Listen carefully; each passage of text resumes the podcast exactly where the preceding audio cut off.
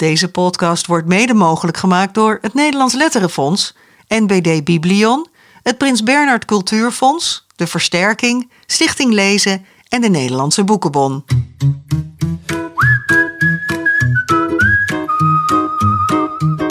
We zijn in het buitenland, Bas. Echt hè? Het is maar goed dat ik een goed woordje over de grens spreek. Ja, we zijn helemaal afgereisd naar eh, Antwerpen. Voor het eerst in de historie van de GVP zijn we eh, nou ja, over de grens gegaan. En eh, dus om een internationale aflevering te maken. We zijn te gast in boekhandel De Groene Waterman aan de Wolstraat in Antwerpen.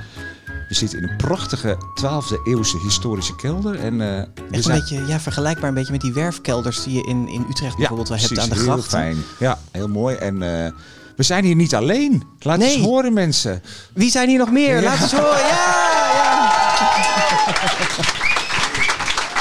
Het, is nog even, het is nog even op gang komen. maar dan gaat, de rest van de ja, welkom goed. allemaal. Ontzettend fijn dat jullie zijn eh, gekomen. Heel veel Vlaamse vrienden en vriendinnen. Ook wat mensen uit, eh, uit Nederland. En eh, ja, voor ons een goede reden om vanmiddag de grote vriendelijke podcast om te toveren in de grote Vlaamse podcast. Ja. En we, dat zijn zoals altijd, eh, je hoorde hem net al even, Bas Maliepaard, kinderboekenrecensent van Dagblad Trouw. En onze technicus Mark Brouwer, die zit achter de knoppen vanmiddag. En mijn naam is Jaap Vrieso van jaapleest.nl. En ik schrijf recensies voor de Leeuwardenkrant en het Dagblad van het Noorden. Die lezen zie je natuurlijk niet, Jaap. De Leeuwarden Courant. Dat is echt het hoge noorden. Oh, als je hier in. Antwerpen Ja, zit. ja, Ja. ja. Maar goed, eh, we, zitten zijn- hier. eh, ja, het was al een hele lange, lange tijd een wens van ons hè, om in België. We hebben het in de eindejaarspodcast vorig jaar ook gezegd. Dat wordt het, het doel voor 2022 naar Vlaanderen maar er was even afreizen. de corona die wat water uh, verroet in Ja, het maar gelukkig is de corona zo ver teruggedrongen inmiddels dat het, dat het kan. En ja, we hebben hier, zoals je al zei, veel Vlaamse vrienden. maar we nodigen ook met de enige regelmaat Vlaamse kinderboekenmakers uit hè, in de podcast. Die komen dan altijd heel braaf naar kinderboekwinkel Kiekeboek in Haarlem. Zo zaten bijvoorbeeld Leo Timmers, Bart Moejaert, Marita de Sterk, Pieter Goudensaboos en Els Beerte al bij ons aan tafel daar. Ja. Maar ja, de Belgen kunnen natuurlijk niet altijd naar ons toe komen. Dus eh, we wilden ook echt een keer een tegenbezoek brengen. Dus bij deze. Ehm, dus we zijn ontzettend blij dat, eh, dat jullie hier allemaal zijn, publiek. Maar ook dat de man om wie het vandaag allemaal draait hier naast ons zit, eh, eh, Jaap. Ja. En ehm, ja, zijn, we gaan hem zo meteen natuurlijk uitgebreid introduceren. Maar zijn nieuwste historische jeugdroman Onhelsdochter, die zich afspeelt in, speelt in de negende eeuw. Dus dat is nog net wat eerder dan dat Dat deze, deze kelder oud is. Ja. Die speelt zich af in de negende eeuw in Denemarken. En die ligt sinds afgelopen woensdag, geloof ik, in de winkel. Ehm, en hij is hier eh, naartoe gekomen vanuit zijn woonplaats Gent, Jean-Claude van Rijkegem.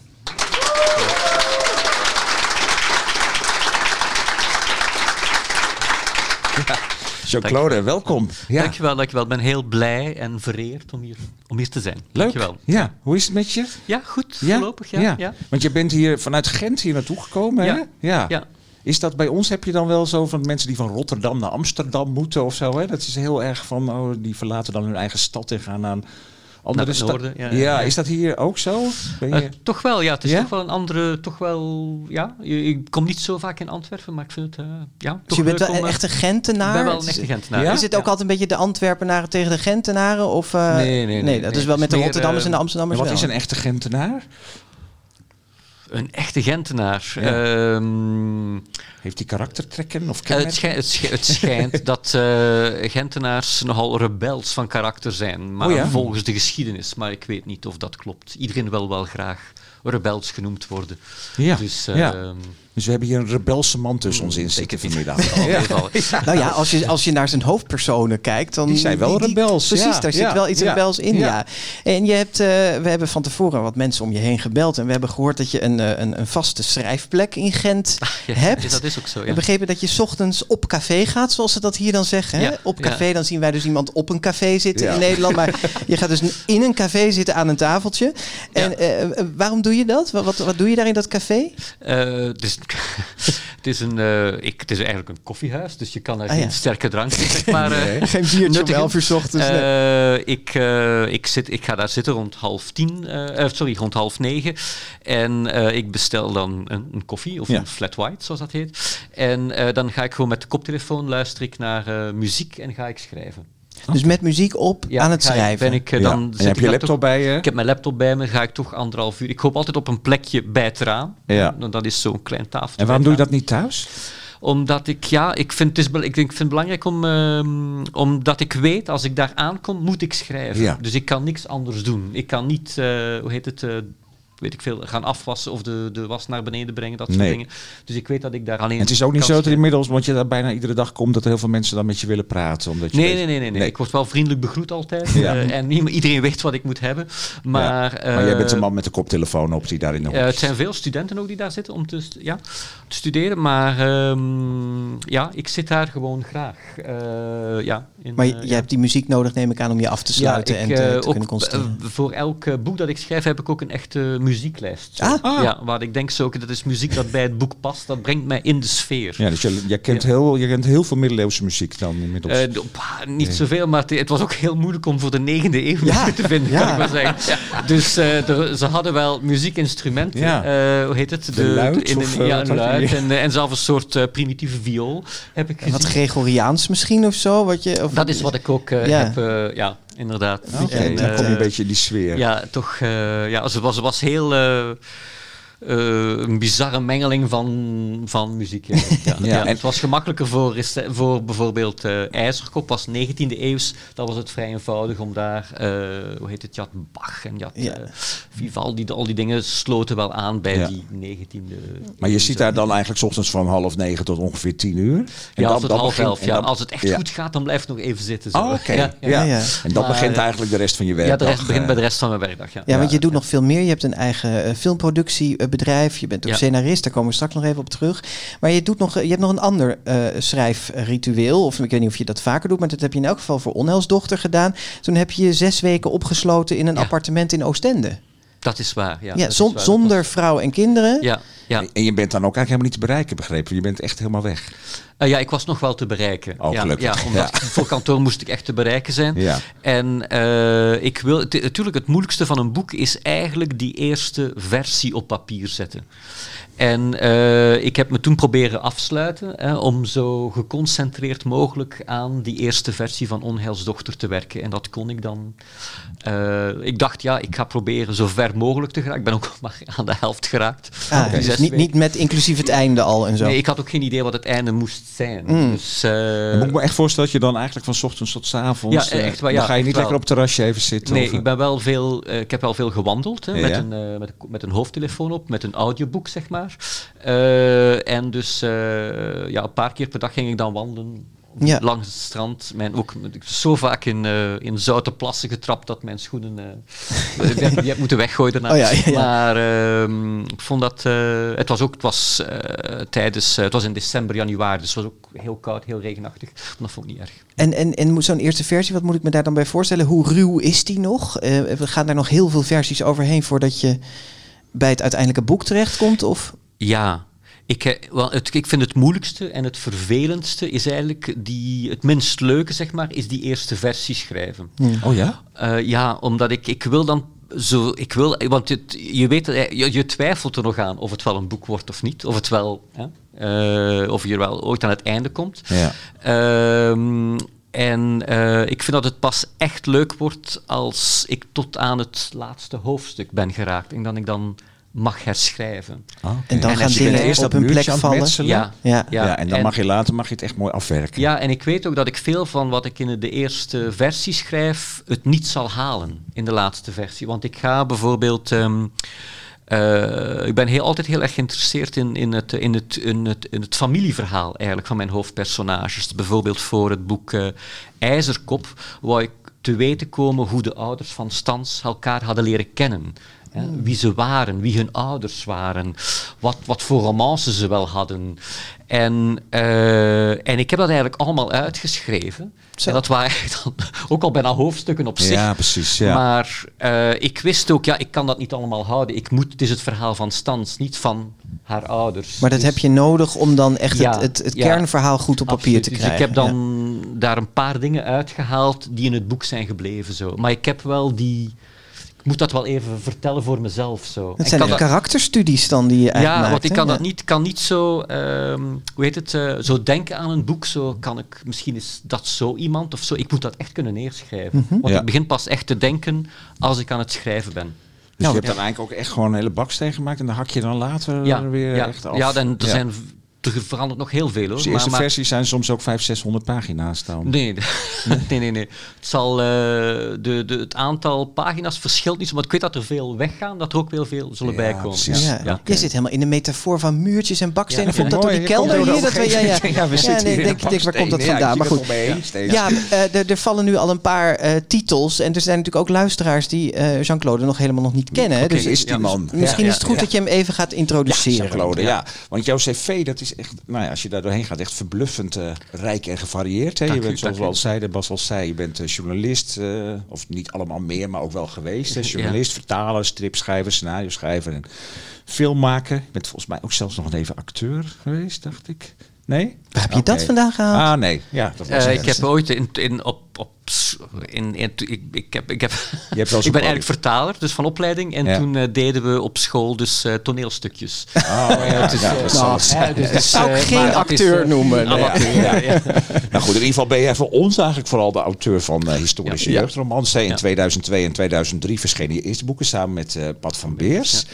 Over een volksjongen die historische mysteries oplost. En daarna schreven jullie eh, een aantal historische young adult boeken. Jong, en Galgenmeid. Die nou, opvielen, meteen erg in de prijzen vielen. Hè. De prijs van de kinder- en jeugdjury, de Boekenleeuw, de Thea Beckman prijs en de prijs van je eigen stad. Kleine Ja, Servant. ja, dat is ook wel heel leuk. Stad, prijs van de stad eh, Gent. En daarna ben je alleen verder gegaan bij een andere uitgeverij ook. De Nederlandse uitgeverij Querido. Daar verscheen in 2019 eh, een boek dat je al noemde. De historische jong adult roman IJzerkop over Stans. Die in mannenkleren zich verkleedt om als soldaat in het leger van eh, Napoleon te gaan. En eh, dat boek werd trouwens ons getipt. Ja, Ja, een leuke strandaflevering was dat. Weet je nog, in Bloemendaal. Praat aan het strand. Ja. Ja. En kreeg ook weer veel eh, nominaties en prijzen, waaronder een vlag en wimpel van de Griffelsjury en de Thea Beckman prijs. En ook weer die prijs van de stad Gent. Die krijg je gewoon altijd, denk ik. Ja, dat is Die zul je nu ook weer weer krijgen. Jean-Claude van Rijk. Ja. en eh, nou ja, nu ligt er alweer een kloek boek. Het heet Onheilsdochter. Het is 367 pagina's. En eh, voor we naar de eerste eh, eh, zin gaan, wat we eigenlijk altijd doen in ons gesprek, toch nog eventjes over al dat werk wat jij doet. Hè? Die, die strips, die films schrijven, kinderboeken schrijven. Je vrouw zei tegen ons, hè, Virginie zei tegen ons, Jean-Claude is een rupsje nooit genoeg en heeft een niet te stuiten dadendrang. Ken je dat? En waar komt dat vandaan? Eh, Ben je een rupsje nooit genoeg? ja, ja, ik wil altijd wel met een verhaal bezig zijn. Zo. Ja. Dus ik heb het moeilijk om eh, niets te doen. Ja, ja, dus ik wil zelf, als ik eh, hoe heet het, met vakantie ben, heb ik al zin om te researchen of, of zit ik na te denken over het volgende zo. Het is, het is ook de, elk verhaal is een uitdaging zelfs. vooral bijvoorbeeld bij een scenario komt het verhaal soms niet van mij. Dus eh, dan wordt mijn verhaal aangereikt en vr- vragen ze me, ja, kan je daar eh, meewerken aan het scenario? En ook dat vind ik dan een uitdaging. Dan, dan eh, moet je er gaan nadenken van, hoe kan ik dat vertellen? Hoe zou ik dat op een rijke en een boeiende manier en spannende manier kunnen vertellen? Ja, dus- en maar ik, eh, ik vind het ja, even moeilijk om stil te zitten, ja. Ja, er zijn genoeg me- mensen die het natuurlijk alleen bij jeugdromans of alleen bij filmscenario's eh, scenario's houden. Maar jij doet strips, films en, en jeugdboeken. Wat, wat brengt die veelheid aan, aan zeg maar, genres of disciplines jou? Eh, wel, ze beïnvloeden elkaar in ieder geval. Dus, dus ehm, als je een filmscenario schrijft, is het. ehm, een scenario is iets dat eh, moet inspireren eigenlijk. Dus dat is, eh, dat is al een werk van. eh, hoe heet het dan? Dat is niet meer dan 100 pagina's. Er staat veel wit op die pagina's. En je probeert eigenlijk zo gebald mogelijk iets te vertellen. Dus ik heb zelden alinea's van meer dan vier regels, zeg maar. En ik probeer ook niet te veel in detail te gaan. Dus bijvoorbeeld als ik de, de kleren van een hoofdpersonage moet beschrijven, dan zal ik altijd ja, dat hij slordig of netjes gekleed is of modieus. Ik zal nooit zeggen hij heeft een blazer aan of iets dergelijks, want dat is eigenlijk het werk dat de costume designer moet Ja. doen. Dus je wil eigenlijk iemand inspireren, maar niet zeggen wat die persoon moet doen. Eh, ook bijvoorbeeld bij, als ik dialogen schrijf voor acteurs, zal ik proberen er nooit iets bij te zetten. Dus ehm, tenzij het echt moet, bijvoorbeeld woedend of, eh, of teleurgesteld. Ehm, en ik zal, ehm, en ik vroeger eh, in mijn eerste scenario's gebruikte ik wel vaak uitroeptekens. Want ik dacht, oké, ik zet daar een uitroepteken achter. En dan bij een lezing met de acteurs begon een van die acteurs dan te roepen. Ja, er staat een uitroepteken, dus ik moet dat roepen. En sindsdien durf ik eigenlijk uh, geen, uitroeptekens meer te schrijven. En dus toen in het laatste boek uh, IJzerkop zag ik dat, uh, hoe heet het, de, de pers klaarmaker daar een heleboel uitroeptekens bij had gezet. Oh, ja. Omdat ik ze eigenlijk niet durfde te... Oh, wat, ik denk dan altijd, ja, dat gaat geroepen worden. Ja. Dus op, op, op kleine manieren beïnvloeden die dingen. Ja, maar je bent in een, in een boek natuurlijk eigenlijk heer en meester. Hè? Je bent en de costume designer en de regisseur en de acteurs. In die zin had Jaap gelijk. Want jij bent natuurlijk gewoon Stans en alle andere personages in het boek ook. Um, we spraken ehm, ook met je collega scenario-schrijver Pierre de Klerk. Hij bedacht onder meer de tv-series uh, Flikken en Windkracht 10. Ja. En jullie schreven samen de laatste jaren uh, de scenario's van de series Amigos en Een Goed Jaar, die nu al te zien is in Nederland op uh, Videoland. En vanaf 8 juni op streams hier in, in België met een Z aan het eind. Maar dat weten jullie hier vast. Um, hij wil graag iets tegen je zeggen. Luister maar even. Beste Jean-Claude, Jaap en Bas vroegen mij hoe het is om samen met jou scenario's te schrijven. Uh, als ik eerlijk ben, Jean-Claude, dat is uh, op drie manieren verschrikkelijk.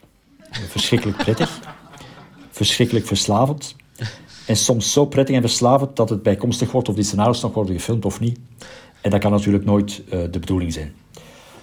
Maar wat echt irritant is, Jean-Claude, jij schrijft scenario's voor films en voor series, voor stripverhalen en daarnaast ook nog eens die uh, schitterende jeugdromans, waarvoor je nu bij Jaap en Bas zit. Gewone mensen als ik voelen zich dan leeglopers, of luieriken, lamzakken, lanterfanters. En dat komt natuurlijk omdat wij van onze lieve neer maar 24 uur in één dag hebben gekregen. En jij op een of andere manier bij hem 48 uur of zelfs meer hebt versierd. Ik vind dat niet eerlijk. Dat is, uh, je raadt het al, verschrikkelijk onrechtvaardig.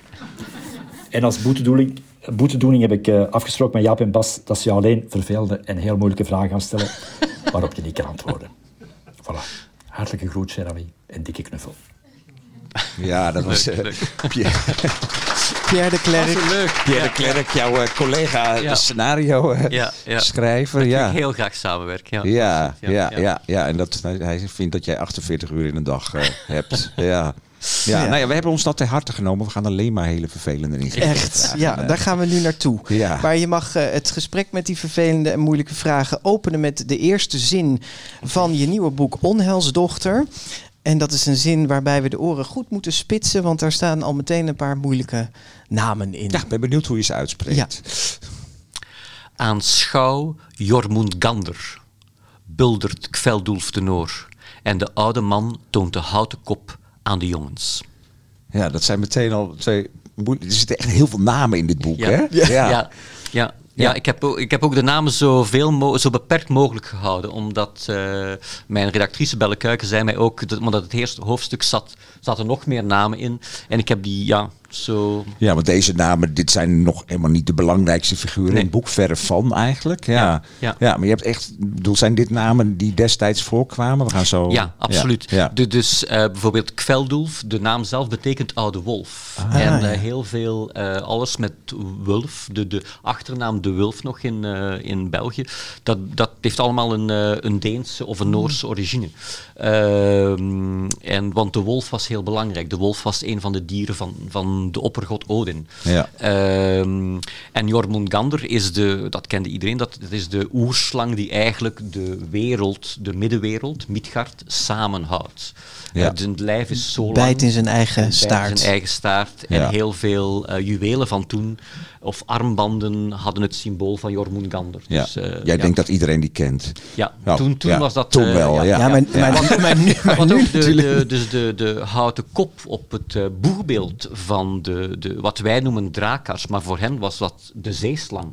Ah, ja. Die dus uh, op de boeg van een, van een schip van een uh, vikingschip. We hebben het over de vikingtijd. Hè? Ja, dus misschien goed om ja, ja, want schets even Bas waar dit boek, want dit geeft, zegt meteen al een beetje over waar dit boek zich afspeelt in welke tijd. Hè? Nou ja, we hebben het dus inderdaad net al gezegd, de 9e eeuw in Denemarken en uh, de Noordse mythologie, die uh, haal je nu al even kort aan. Hè? Voor ja. mensen die daar wat minder in thuis zijn. Odin kennen we denk ik allemaal wel, de, de, de oppergod, de, al, de al, alwetende, of hoe noem, je, hoe noem je het in het boek? De al... Ja, hij heeft, heeft um, heel veel namen. Hij is de, de grote dichter, de grote woesteling. Ah ja. Eh, De Wandelaar toch de ook? Wandelaar Ja, ja. ook, ja, absoluut. Ja. Dus eh, ja, Ja. was een beetje van alles. Ja. Maar, maar je- eigenlijk alle boeken die je hebt geschreven zijn historische romans. Dus even, even helemaal bij het begin beginnen. Waarom spreekt, spreekt het je zo aan om over, die, over vervlogen tijden te schrijven? Ja, ik ben daar vooral heel nieuwsgierig naar. Dus als ik op een, in een oude plek kom, zoals deze kelder, ben ik er eigenlijk heel benieuwd naar wat voor eh, verhaal hierover te vertellen vallen. Dus ik vind het eh, voor mezelf ook heel avontuurlijk om eigenlijk zo die reis te ondernemen naar, eh, naar, een, van, naar het land van lang geleden, zeg maar.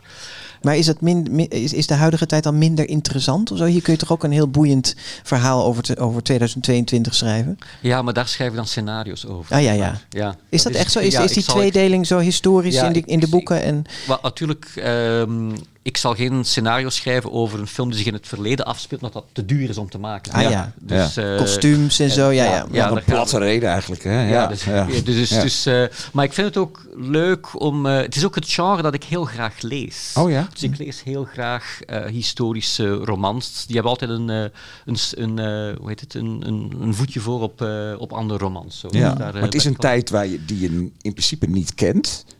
Hè? dus je moet je echt heel erg verdiepen in een andere Ja. tijd, in andere personages. Is dat dramatisch ook interessant voor je? Eh, ja, want ik, ik, ehm, ik was altijd gefrustreerd als, eh, als kind, kreeg ik dan les geschiedenis. En achteraf bleek dan dat daar eigenlijk niets alles van klopte. Oh. Dus ik ben natuurlijk, eh, hoe heet het, op een zekere leeftijd en ik ging naar het college. Hè, dat werd bestuurd door priesters. Hè. Dus, dus, eh, en wij kregen dan ook eh, les in geschiedenis. En er werd, ja, de kruistochten was iets wat goed was. hè. Eh, ons koningshuis had geen verkeerde dingen gedaan. Congo, ja, dat was een kolonie. Er waren, ja. Dus, eh, en, ik, voor, en, ik, allee, en achteraf Jij vertrouwde dat toch niet zo? ja, bedoel, er werd gewoon gelogen. Ja. Dus het is de geschiedenisles. En ergens ook vanuit die... eh, ja, ik vond dat toch niet kunnen. En ook vanuit die frustratie denk ik dat ik ook zin had om, ehm, om historische boeken te schrijven. Ehm, Ja, ik moet je trouwens even corrigeren, want je zei net van ik zou nooit scenario's schrijven met eh, over verhalen die in het verleden spelen, want dat is te duur. Maar we lazen wel dat je hebt meegewerkt aan de verfilming van Kruistocht in Spijkerbroek Ja, van, eh. Ja, van Thea Beckman. Ja, ik dat spreek mezelf tegen, ja, Ja, inderdaad. Wel, het is een beetje, eh, omdat dat, daar werd ik Even voor... scherp blijven. Ja, hè? Ja. Dus, dat was geen project dat ik zelf had ontwikkeld. Ik werd daarvoor gevraagd. Ja. Dus eh, om mee te- ik was één van de scenaristen. Dus er Ja. waren er wel een aantal. En er speelt ook een heel klein stukje in die film in deze tijd, dus dat klopt ook. Ja, wel. ja, Ja, dat is wel- Eh, en, het was een moderne Maar- jongen ja, in, eh, in eh, inderdaad. Ja, dat maar, je zegt, ik vind het wel interessant, je zegt van die, die geschiedenislessen, dacht je eigenlijk van dat klopt, dat klopt gewoon, ze liegen. ja. boek- achteraf, hè, achteraf besef Ja, ik dat. ja, Ja, maar is dat dan ook een motivatie voor jou om dan nu historische romans te schrijven waarin je niet liegt? Ja, Ja, ik, ga, die ik, wel probeer, kloppen. ik probeer authentiek te zijn. Ik ben Ja. natuurlijk... eh, eh, eh, er zullen zeker fouten in Wij gaan staan. straks allemaal vertellen wat er niet klopt. ja, ja. Maar eh, Er zullen zeker fouten in staan, maar eh, ik... eh, je wilt, maar ik je wilt probeer- toch aan kinderen eigenlijk de juiste ja, geschiedenis ja, En vooral hoe, hoe, ja, en hoe het was om jong te zijn in die tijd. Ja. Lijkt mij heel boeiend. Ja, dat, dat vind ik wel interessant wat je nu zegt. Want eh, het zijn jeugdromans of jongere romans. Natuurlijk, volwassenen lezen ze ook erg graag. Maar ehm, waarom ben je daar terecht gekomen? En je had ook eh, historische romans voor volwassenen echt kunnen schrijven. Ja, wel, ik lees heel graag eh, jeugdboeken. Hmm. Ik, eh, ik heb altijd graag young adult eh, literatuur gelezen. Mhm. Ehm, en ik denk ook dat bijvoorbeeld de boeken van Thea Beckman hebben mij zeker beïnvloed. En, ehm, en ik weet ook, op bepaald, want ik aanvankelijk, toen ik, ik ben ook pas later eigenlijk jeugdboeken gaan schrijven. Ja, je was al heel oud hè, toen ja. je begon. Ja. En eh want aanvankelijk dacht ik, ja, boeken schrijven, dat is niks voor mij. Eh, dat kan ik niet. En, ehm, en toen heb ik eh, een tijdje eh, boeken gelezen van Anthony Horowitz. Dus de Engelse jeugdschrijver. Dus eh, nog voordat hij met zijn Alex Rider-serie begon. En, eh, en ik dacht, goh, zoiets zou ik ook wel willen proberen. Dus die had ook een, uh, een historisch jeugdboek, Duivel en Duivels Maatje, destijds, over uh, de, de, 16e eeuw, Queen Elizabeth. En, ehm, en nog andere, De Kruisboog en zo. En dat, ja, dat leek mij wel een leuk genre om iets in te schrijven. Er zat ook humor in en zo. Ja. En het mocht spannend zijn. Ja. Het, uh, dus daar had ik wel, dat leek mij wel iets wat ik leuk zou vinden. Ja, en toen ben je begonnen met jeugdboeken schrijven samen met Pat van Bergs. Of Ja. Beers, moet ik zeggen.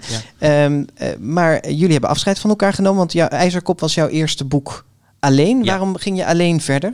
Wel, ehm, het werk met mijn pad is ook een beetje een evolutie geweest. Eh, dus, ehm, eh, Dacht je jong- eerst ook van ik kan het niet alleen eigenlijk? Ja, absoluut. Ja. Ja. absoluut ja. Ik dacht echt, eh jongvrouw, dat ga ik nooit kunnen. En, en we hebben ook in de, voor dat eerste boek hebben we ook heel vaak samen gezeten voor de computer. Dus ik, eh, ik zat wel op het klavier en we waren voortdurend aan het praten over wat het hoofdstuk moest worden. Eh, en hij is ook iemand die heel belezen is, die heel veel weet ook over de, de, de middeleeuwen. En dan als we elkaar niet zagen, schreef ik soms de, de alinea's die ertussen kwamen en zo. En eh, dus dat was een hele fijne samenwerking. Toen bij Galgenmeid had hij eigenlijk geen tijd. Dus hij was les aan het geven. En, ehm, maar hij wist ook vrij veel van... Galgenmeid speelt zich af in de 16e eeuw, in het Spanje van de 16e eeuw, in Sevilla en in Antwerpen. En toen gaf hij mij vooral informatie. Dus toen deed hij de alle research. En dat boek heb ik dan ook bijna grotendeels alleen geschreven. Wel, wel weliswaar veel, eh, hoe heet het, eh, gepraat over de hoofdstukken zelf, maar eh, dat was de eerste keer dat ik een, boek grotendeels alleen schreef. En, dat was, en hij is toen kort na IJzerkop, omdat ik ook te druk bezig was met een paar films, heeft- is, hij, is hij zelf ook romans gaan schrijven. Ja. Dus, en ik had ook zin om met ja, IJzerkop van dat eh, alleen te doen. En toen bleek je het ook wel alleen te kunnen. Ja, Ja. Nou, zeg dat. Hè. De- Ja. Je viel weer in de prijzen. Was dat een opluchting voor je om te merken dat je het gewoon ook in je eentje kon? Ja, toch wel. Ja, Ja? ja, ja. Kan ik me voorstellen Ja, inderdaad. want IJzerkop is heel... Bedoel, die andere boeken zijn ook heel goed ontvangen. Maar IJzerkop is ook echt heel goed ontvangen. Ja, ja, Ja. ja. Ik, ik, had ook- ik heb er ook met heel veel plezier aan geschreven. Ja. Ja. Ik denk wel dat de mensen hier in de zaal en misschien luisteraars thuis ook denken: wanneer gaat het gesprek nou eens richting Nou? Ja. Is dat nu? Dat gaat nu. Oh, dat Ja. is leuk. Ja, nee. Ik zie het hier gewoon staan hoor, dat we daar nu. Ja, Oké, ja. ja, ja. want je hebt als opdracht in dat boek, dat is wel fascinerend. Hè, voor in dat boek, in dat nieuwe boek staat Ja. voor Willy. Ja. Willy Ja. die me op het spoor van onze voorouders bracht. Ja. Wie, is, wie is Willy? Willy is mijn oom, hè, Willy van Rijkegem. En eh, hij, heeft, eh, hij is gepensioneerd en eh, heeft toen onze, hoe heet het, onze oorsprong proberen via DNA-onderzoek. En toen bleek dat, wij, dat ons DNA strookte met Denemarken en Noorwegen en eh, Schotland. Dus, Dus je bent zelf een eh, viking eigenlijk. ja, dus het, eh, ja, absoluut. Waar is je baard? ja. Met, met, met twee van die vlechten erin. Ja. Maar dus wij zijn eigenlijk eh, afkomstig waarschijnlijk van vikingen die zich in de Leienstreek hebben gevestigd. Hmm. Dus En toen oom Willy dat ontdekte, dacht jij, dit, hier zit wel ja, eens... en zou die zei mij ook, waarom zou je daar niks over schrijven? Ja, Ah. ja. En toen dacht ik, dat is toch wel ver in het verleden, Ja. maar eh, ik had er wel zin in zo. Dus eh, ja, en zo is het, ja, zo is eigenlijk, dat was het zaadje waarmee dit boek begon Ik, eigenlijk. ik begreep ook van je vrouw dat er een naam in het boek terecht Ja, is gekomen van een van jouw voorouders of Ja. vermoedelijke voorouders. Wa- Wat, wat, wat mijn oom vermoedt, maar het is niet helemaal zeker, is dat eh, een zekere eh Ricky Wolf, hè, van de clan Ricky Wolfinga, dat die dus eh, zich in, in de Leijenstreek heeft, die zich in de Leijenstreek zou hebben gevestigd. En, en er zijn in, ja, in, in, in oh, weet ik veel van abdijen en zo, en eh, de, de, de sommige gronden zijn dan eh, terug te brengen tot Ricky Wolfinga Heim. Ja. Hè, en, eh, en dat werd dan, eh, eh, Heim werd dan eh, hem, Rijke Gem. Oh ja. Dus, eh, Ah, ja. ja, dus, Dus eh, Rijkegem is eigenlijk Ricky ja, is Wolfegem. eigenlijk, is eigenlijk Ja. de, de Rijkegem Kouter. Kouter was een gebied waar veel landbouw werd gedaan. De Rijkegem Kouter bestaat nog steeds rond Ah. Tielt. Dat is een hele oude kouter eh, Ja. uit de vroege middeleeuwen. Dus eigenlijk heb je een boek over je familie geschreven. Maar dan, dan heel lang geleden. Van heel lang Ja, geleden, ja. met, eh, ja. Maar het blijft fictie natuurlijk. Ja, ja, ja. In, eh in Onheilsdochter volgen we Irza. Hè? Zij is geloof ik 16, hè? Eh, Ja, of- 15, dus 15, 16 jaar. Ja, ja, wordt ja, dan 16, precies. Ze is de dochter van een stuurman en ze woont in een dorpje aan de kust met een bijzondere naam. Een Mimirskrukje Ja. heet dat. Mimir, ik moest het echt tien keer lezen. Mimirskrukje, zo heet dat dorp.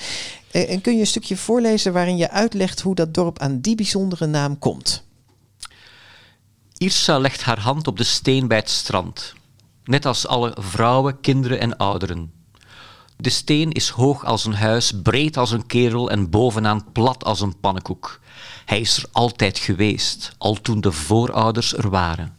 De mensen van het dorp zeggen dat de reus Mimir de steen daar heeft neergezet. Dat was lang geleden. Bij de dageraad van alles, toen de werelden nog niet gevormd waren en de goden het nog in hun broek deden. Toen zwierf Mimir al door de mensenwereld, op zoek naar de bron van wijsheid. In Jutland passeerde de reus een mooie baai en vond dat het tijd was om uit te blazen. Mimir schraapte een rots vlak met het eelt van zijn ruwe handen en wrikte het enorme ding rechtop aan de rand van het strand. Dan ging hij erop zitten met zijn kolossale achterwerk. Zo kon Mimir zijn benen strekken en mijmeren over zijn reuzenbestaan, terwijl hij genoot van het uitzicht op de baai en de zee verderop. Voor hem was de steen niet hoger dan een krukje.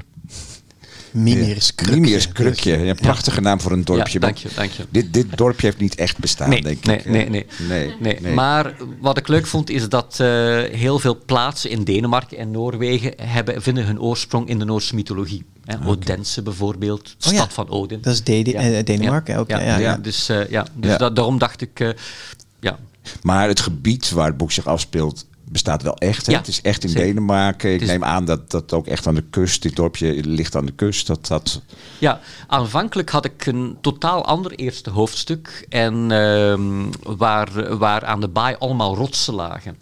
En ik ben eh, in Denemarken geweest Ja. om het boek te, te, te researchen. En ik sprak toen met een archeoloog van een museum. En, eh, en hij vroeg me, ja, en waar speelt je boek in Denemarken zich af? En ik zei, ja, het is zo'n baai aan de kust. En dus ik heb een hele scène met, eh, met acht rotsen in de zee. En daar gebeurt van alles mee, want er is dan een proef die ze moeten doen. En hij zei, rotsen? ik, zei, ik zei, ja, dit is, eh, eh, maar er zijn geen rotsen in Denemarken. Er zijn wel stenen langs de weg, zoals die Menir. eh, om, die werden dan daar, daar geplaatst om de weg af te bakenen, zeg maar. Maar er zijn geen rotsen in zee. Dus ik heb dat heel dat maar dan kan je hoofdstuk- denken van, ach, wat maakt het uit? Ik verzin rotsen, want het is een fictieboek. Ja, maar, ja, maar ik wilde maar dat dat, mag het, niet van eh, jou. nee, echt, ik was er zo betrapt dat ik het wel. Ik, eh, dus ik heb het eh, dit dat volledig geschreven. Ja, want het moet ja. historisch, in die zin moet het dan wel Als ik kloppen. weet dat het... Ja, Hij ja. wil niet liegen, zei Ja, hij ik net. Nee, ik precies. wil, eh, ik nee. wil dat het- Nee, maar dat checken we Ja. steeds. Ja. Maar wacht even, waarom had je dat hoofdstuk dan eerst al geschreven en ging je toen pas researchen? De, de omgekeerde volgorde Ja. lijkt mij handiger. Ja, het, het, wel, ik ben een beetje ongeduldig als het op research aankomt. Ah, Dus eh, omdat ik, als ik zo twee, drie uur dan lees in een boek ehm, over die tijd, dan word ik heel ongeduldig. Dan wil ik eigenlijk al aan het schrijven zijn. Dus vaak begin ik al te schrijven terwijl ik aan het researchen ben.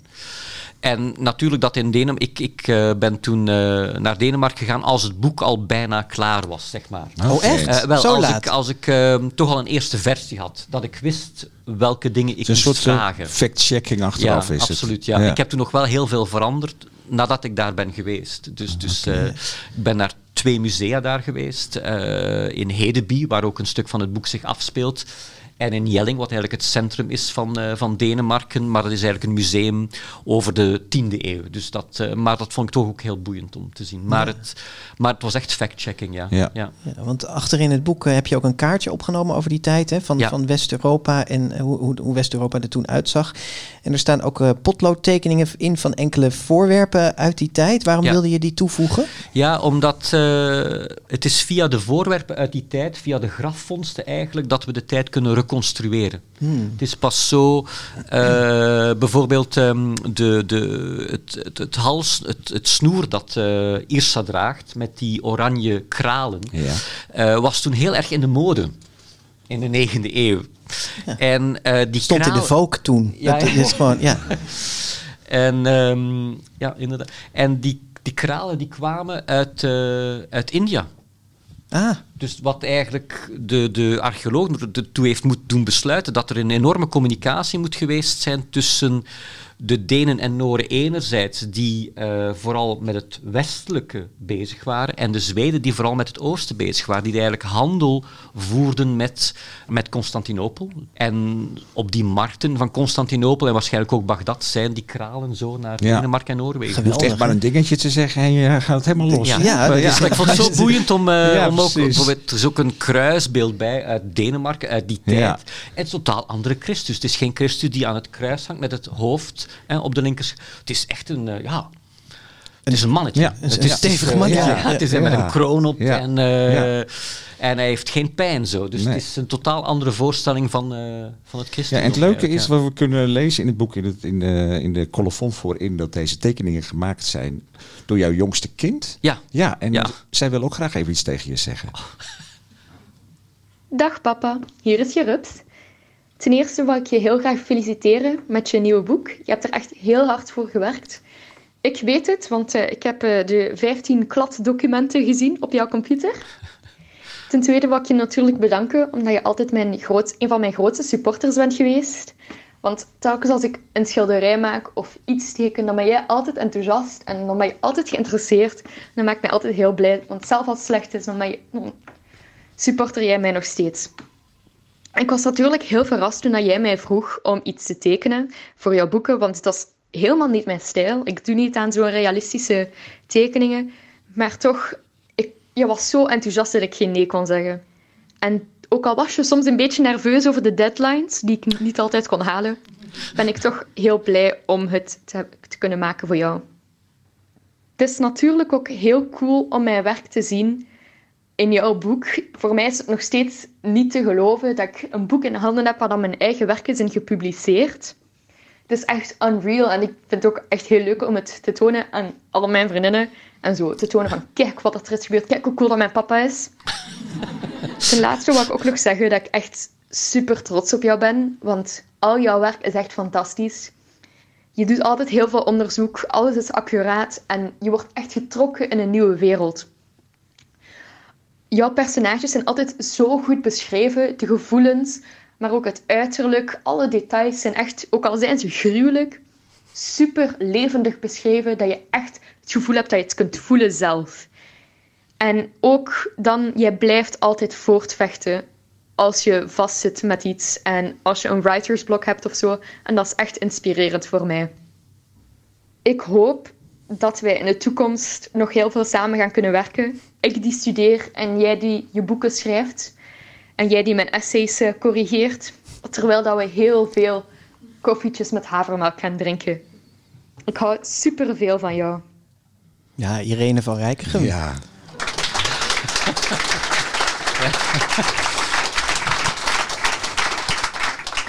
Hoe is dat om te horen? Ja, toch wel ontroerend.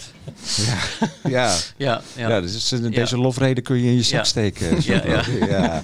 Hij staat op band, je kunt hem nog heel vaak terugluisteren. Als er een keer boos op je is, dan kun je gewoon hier naar luisteren. Nee. Ja, ja. Maar ze zegt dat jullie samen ook eh, werken. Uh, zij gaat mee op café, of hoe zit dat? In het weekend, uh, als ik uh, dus de zaterdag en zondagochtend ga ik dan ook schrijven eigenlijk op café. En dan gaat zij mee om te studeren. Dan zitten we tegenover elkaar, ja, elk met koptelefoon. Ja. ja. Nou, wat een heerlijk moment. Ja, ja, om, om vertel je haar ook al een beetje waar je mee bezig bent? Of hou je dat heel erg voor ik jezelf? Ik hou dat heel erg voor mezelf, ja. ja? ik, durf, uh, ik ben altijd bang om uh, mensen te vroeg iets te vertellen over een verhaal waar ik mee bezig ben omdat ik dan bang ben dat het uh, ontsnapt, dat ik misschien dan geen zin meer heb om het te vertellen, zeg maar. Ja. Dus ik ben altijd, uh, ja, ja. Of dat iemand zegt van, goh, wat oninteressant. Ja, als, ja. dan, dan, dus, ja, dan ga ik iets anders Ja, maar het, het gaat zelfs zo ver dat je haar tekeningen laat maken zonder, zonder dat ze het hele boek gelezen heeft. Ja, inderdaad. Ja. ja, ja, ze heeft dus gewoon niet gelezen. Voorbeelden gegeven, dit wil ik dat je tekent. En, uh, maar ze was er heel benieuwd naar, dus ze, gaat het, uh, ze gaat het nu lezen. Maar laten we nou naar de inhoud van het verhaal gaan. Hè? Nu even klaar met alle boodschappen. Ja. Um, ja, het eerste deel van het boek uh, draait dus om die Irza. Hè? En zij is de onheilsdochter uit de titel.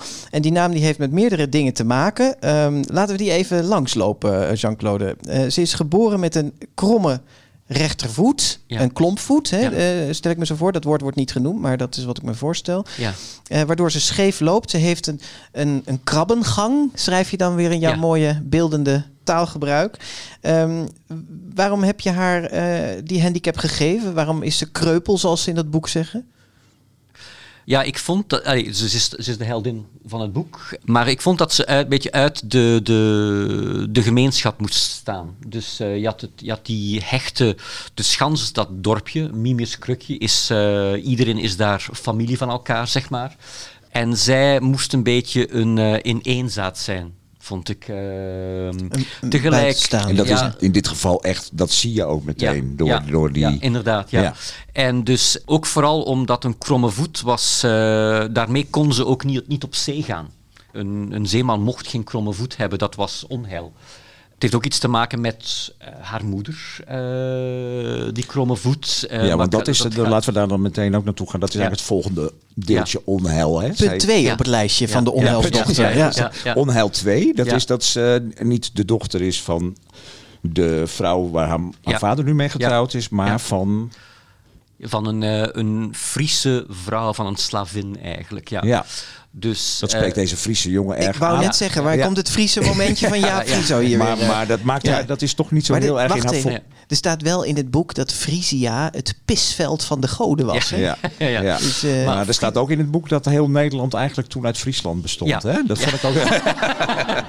Goed. Ja. Maar goed, terug Ja, naar... Wat wilde je zeggen? Wie was haar moeder eigenlijk? Haar moeder was eh eh, Kara, ehm, als ik het goed voor heb. Dus, dus zij ehm, was, hij- is eigenlijk uit Friesland geschaakt of verkocht. ehm, Om dan als eh, slaaf eigenlijk naar Denemarken gebracht te worden.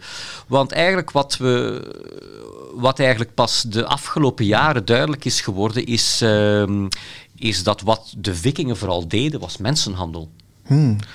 Daarom zijn ze ook zo eh, rijk geworden. Ze gingen eigenlijk, er wordt altijd gezegd, ja, ze gingen kloosters beroven en zo. Ja, dat deden ze soms ook. Maar er was vooral een enorme mensenhandel die plaats had eh, aan de Noordzee. En zoals eh, veel later ook in de geschiedenis, eh, hoe heet het, grote beschavingen, hè, de Engelse, de Nederlandse ook, hè, met de. Die zijn eigenlijk gebaseerd op uitbuiting van een ander volk. De, dus, eh, en de viking, de gans die beschaving, is er eigenlijk op gebaseerd dat ze een enorm aantal slaven hadden om zeilen te maken, om hun schepen te bouwen. Dus, dus heel, die heel die rijkdom is eigenlijk gebaseerd op slaven. Ja, en die moeder was Ja. van, van Irsa, was dus zo'n slaaf, Ja. waar, waar haar vader voor viel. Ja? En daar Ja. is zij het kind van, maar dat is niet een heel populair verhaal voor haar in het dorp. Want dat, Het is een beetje een publiek geheim eigenlijk. ja, dat, ja, ja, ja. hè? Ze beseft het, ze weet het. eh, ze zelf dacht ze dat ze de dochter is, was van een, eh, dat haar vader eigenlijk getrou- getrouwd was of eh, dat eh Kara aanvaard was, maar ze had nooit beseft dat ze eigenlijk een slavin was. nee, ja, dat ja. is onheil 2. Dan heb je Oké, onheil de 3. klompvoet en de Ja. moederslaaf. Ja. Ja. en dan onheil 3. Ja, En dat is, eh, op een gegeven moment dan wordt duidelijk eh, dat Irza een bijzondere gave heeft. Ja. Eh, wat is dat precies?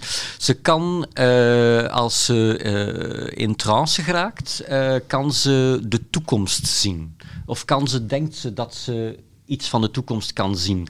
En dat is niet, altijd, dat is niet onfeilbaar, dus soms vergist ze zich ook.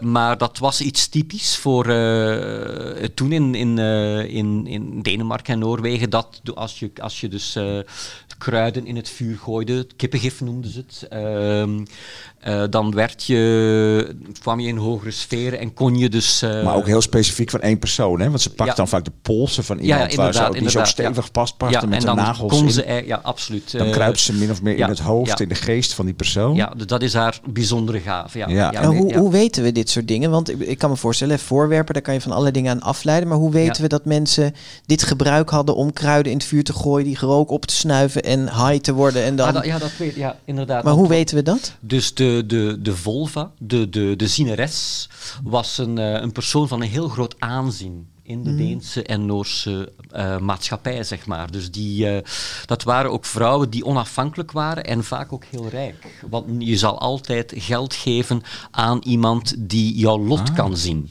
Hè? Want een groot verschil met, met, de, met, met onze maatschappij nu is dat de, de, de Denen ervan overtuigd waren dat hun leven al was uitgestippeld. Ja. Hun lot was bekend, net Ja. zoals de goden wisten dat zij ten onder zouden gaan bij, op de laatste dag van de wereld. Ja, jij zegt in het boek, laat je ze eigenlijk zeggen we dat lot zit in hun navel geknoopt. Ja, hè? ja, dus ja, dat, is- vanaf het, eh, ze zijn geboren en dan eh, het lot. Ze kunnen niet vechten tegen, ze kunnen proberen vechten tegen het lot, maar het Ja. lot is bepaald. Dus als dat ook voorspeld wordt door Israël, dan staat dat al Ja. helemaal vast. Ja. Maar dit is interessant, want we hadden dit als nummer drie van onheil op ons lijstje staan. Maar jij zegt eigenlijk... Dat kon haar aanzien opleveren, Ja. maar Ja. ze zijn ook Ja, bang ja. voor haar door, Ja. dat, door die gaven. Ja, hè? ja, Dus ja. het klopt Ja. wel dat het ook bij de onheil ja, hoort. zeker. Ja. Ja, ja. dus, ja, ja. Even nog Ja. over die, eh, het lot. En dat verbind je ook weer heel mooi met de Noordse mythologie. Hè? Dat zijn de drie oude weefwijven Ja. onderaan de levensboom Yggdrasil. Die daar eigenlijk het leven weven al hè, voor, Ja. voor individuele Ja. mensen. En dus ook de draad door kunnen knippen.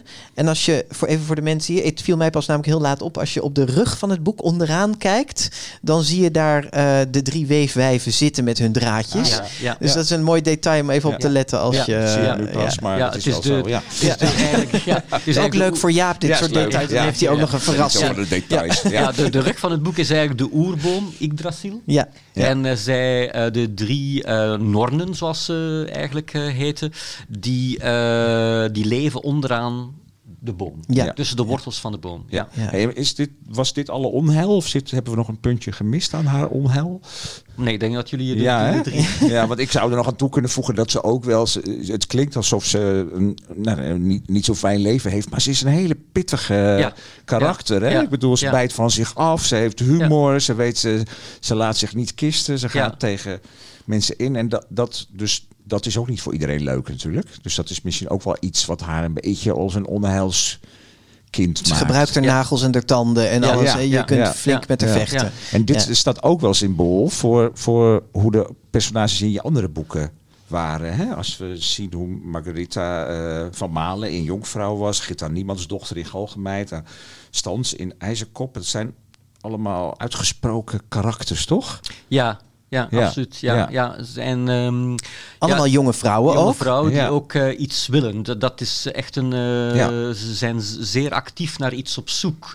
Eh, soms is het heel negatief. Bijvoorbeeld wat Stans wil in IJzerkop is ze wil weg van haar familie. Ja, ja. Ze wil zo ver mogelijk haar familie achter zich laten tot ze eigenlijk beseft op het einde dat haar broer haar heeft gered in Ja. het laatste hoofdstuk. Niet, niet spoilen. Dus sorry. maar Dus, eh, eh, maar Jean-Claude, maar, de ja. vraag is natuurlijk eigenlijk, die heeft iedereen hier nu in zijn hoofd. Ja. Waarom schrijf jij al vier boeken lang Ja. over een vrouwelijke, sterke hoofdpersoon? Terwijl je een mannelijke schrijver Ja, ja. bent. Ja. Eh, ja, dat is een goede vraag. Ik, weet, Ja. ik heb ook het precieze antwoord. Komt ook een heel goed antwoord op, Ja, hoop ja, ik. ja. Ja. Eh, maar het, het, ehm, het zijn personages die mij boeien. Eh, en ik vind ook dat eh, de geschiedenis wordt, is hoofdzakelijk geschreven door eh, mannen. En ehm, het leek mij, en ik ook, de, de, laat ons zeggen dat ik, eh, toen ik eh, toen ik jong was, las ik vooral stripverhalen. En vaak ook historische stripverhalen. En daar kwamen nooit vrouwen in voor. Dus ik vroeg me af, waar zijn die vrouwen nu? En ehm, Thea Beckman geeft me de ruimte. was ook het eerste keer dat ik las dat het ook vanuit een, een vrouwelijk personage. Dus dat, in, dat vond ik eh, ook dramatisch heel boeiend. En, Ja, ehm, want je vertelde mij van tevoren nog even dat je ooit wel bij een van de boeken, ik dacht Jonkvrouw, of dat je begonnen bent met een mannelijke ja, hoofdpersoon. met eh, bij ehm Galgenmeid. Galgenmeid. Oké, ja. Toen had ik de Galgenjongen had- was ja, ja, had ik de eerste- maar ik vond het niet zo boeiend om te schrijven. Zo'n jongen had veel minder moeilijkheden. Ja. Dus die. die eh, Dus het is de maatschappelijke positie Ja, die je ja, interessant vindt, omdat het wringt en, men, en Zeker, er is veel meer drama te vinden Ja. eh, in, een, eh, in een jonge vrouw die moet opboksen tegen de wereld rond haar dan in Ja. een jonge man zo. Dat hebben we al vaak, eh, een beetje te vaak gezien of gehoord. Ben je daarmee eigenlijk een feministische schrijver? Eh, mis- misschien wel, ja. Maar eh, ik durf dat zelf niet zeggen. Maar ik denk wel dat eh, alle personages toch uitgesproken feministisch zijn, denk ik. Ja, Ja. ja. avant Ja. la lettre, zeg maar. Ja, Ja, en ook zich vaak toch wel in een patriarchale wereld Zeker, ja, en da- tegen die wereld moeten, moeten Ja. vechten. Ja. Was dat ja. in Denemarken ook zo? Want in dit boek beschrijf je haar, haar grootmoeder Goedroen. Ja, Die, Ja. dat, dat, is, dat is ook wel iemand, zeg. Ja, absoluut. Want Ja. het interessante is dat eh, het patriarchale van, eh, de, van de, de, de... Je hebt de 9e eeuw, je hebt Karel de Grote, die overal kloosters bouwde, zeg maar. En eh, waar de gezinswaarden ehm, werden gepromoot. Maar in Denemarken, het heidense Denemarken, was dat anders. Dus de vrouwen hadden eigenlijk, relatief gezien, meer aanzien. Want als de mannen op reis waren, op handelsreis waren in de zomer, eh, waren de vrouwen echt de baas. En, een, eh, en er, het was ook, eh, huwelijken waren ook, dus een man kon twee of drie vrouwen hebben, zeker als hij rijk was, als hij die vrouwen kon onderhouden. Ehm, dus het was een ander soort, ander soort gemeenschap. Ehm, ik vond het zo mooi in de Noorse mythen en zo, dan, dan is het ehm, Odin, als Odin een beslissing moet nemen, vraagt hij zijn vrouw om raad. Ja. Geef me raad, Frigg, vraagt hij aan zijn vrouw. En dat is, ja, in de, kathol in, het, in de Bijbel is dat niet zo. Dan moet God nooit raad vragen. Du- Dus de, de goden in, in, in de Noorse mythologie zijn veel, eh, hebben veel meer twijfels. Eh, Ja. Ze moeten altijd bevestigd worden, zeg maar. En ze maken voortdurend, ze blunderen ook voortdurend. Ze lijken eigenlijk veel meer ook op mensen. Hè? Ja, Eh, zeker. Ja, ja. En, en, nou ja, goed, je wilt jezelf geen feministische schrijver noemen, maar de hoofdpersoon, Irza, is wel een feministe in de negende eeuw, zouden we kunnen zeggen. Zeker, Ik ja. heb hier een klein citaatje, dat vond ik Ja. wel grappig. Die grootmoeder Gudrun, die zegt dan... ehm, als je je maandelijkse bloedingen krijgt, loop je al te zeuren. Denk aan je voorouders, die grote avonturiers die de zeeën verkenden. Die klaagden nooit. En dan zegt Irza, ze hadden ook geen maandelijkse bloedingen. Waar ze meteen die mannen even goed Ja. mee Ja, wegzet. en, en je zei, dat is wel interessant, het is een mooi bruggetje naar het stukje wat we je wilden laten voorlezen. Dat eh, die mannen konden vaak wel drie vrouwen krijgen. Ilsa, Ilsa wordt op een gegeven moment ook voorbestemd om uitgehuwelijkd te worden aan de zoon van de juwelier. Ja. Die zoon denkt als hij haar klompvoet ziet en ook die vader van misschien moesten we dit maar helemaal niet doen. En Irza heeft het ook niet zo heel erg meteen in, hè, want die heeft een ander eh, iemand uit het dorp Ja, die ze wel ja. heel leuk vindt. En ja, dan schrijf je een stukje waaruit er wel blijkt hoe pittig Irza van Kara. Het is een van mijn favoriete stukjes. Ik moest er heel erg hard om lachen, dus ik hoop dat jullie dat ook allemaal hebben. Maar En heet die man, hè? Ja, of ja, Ljuffer, ik weet niet hoe je ja. het zegt. Maar dat is dus de jongen aan wie Irza uitgehuwelijkt is. ja, Ja, en haar vriendje toen was Nokkie eigenlijk. eh, Ja, ja, die het met haar heeft Ja. uitgemaakt. Ja. Ik wil haar niet, heer, zegt Ljuffer. Hij heeft de woorden zowat uitgespuugd.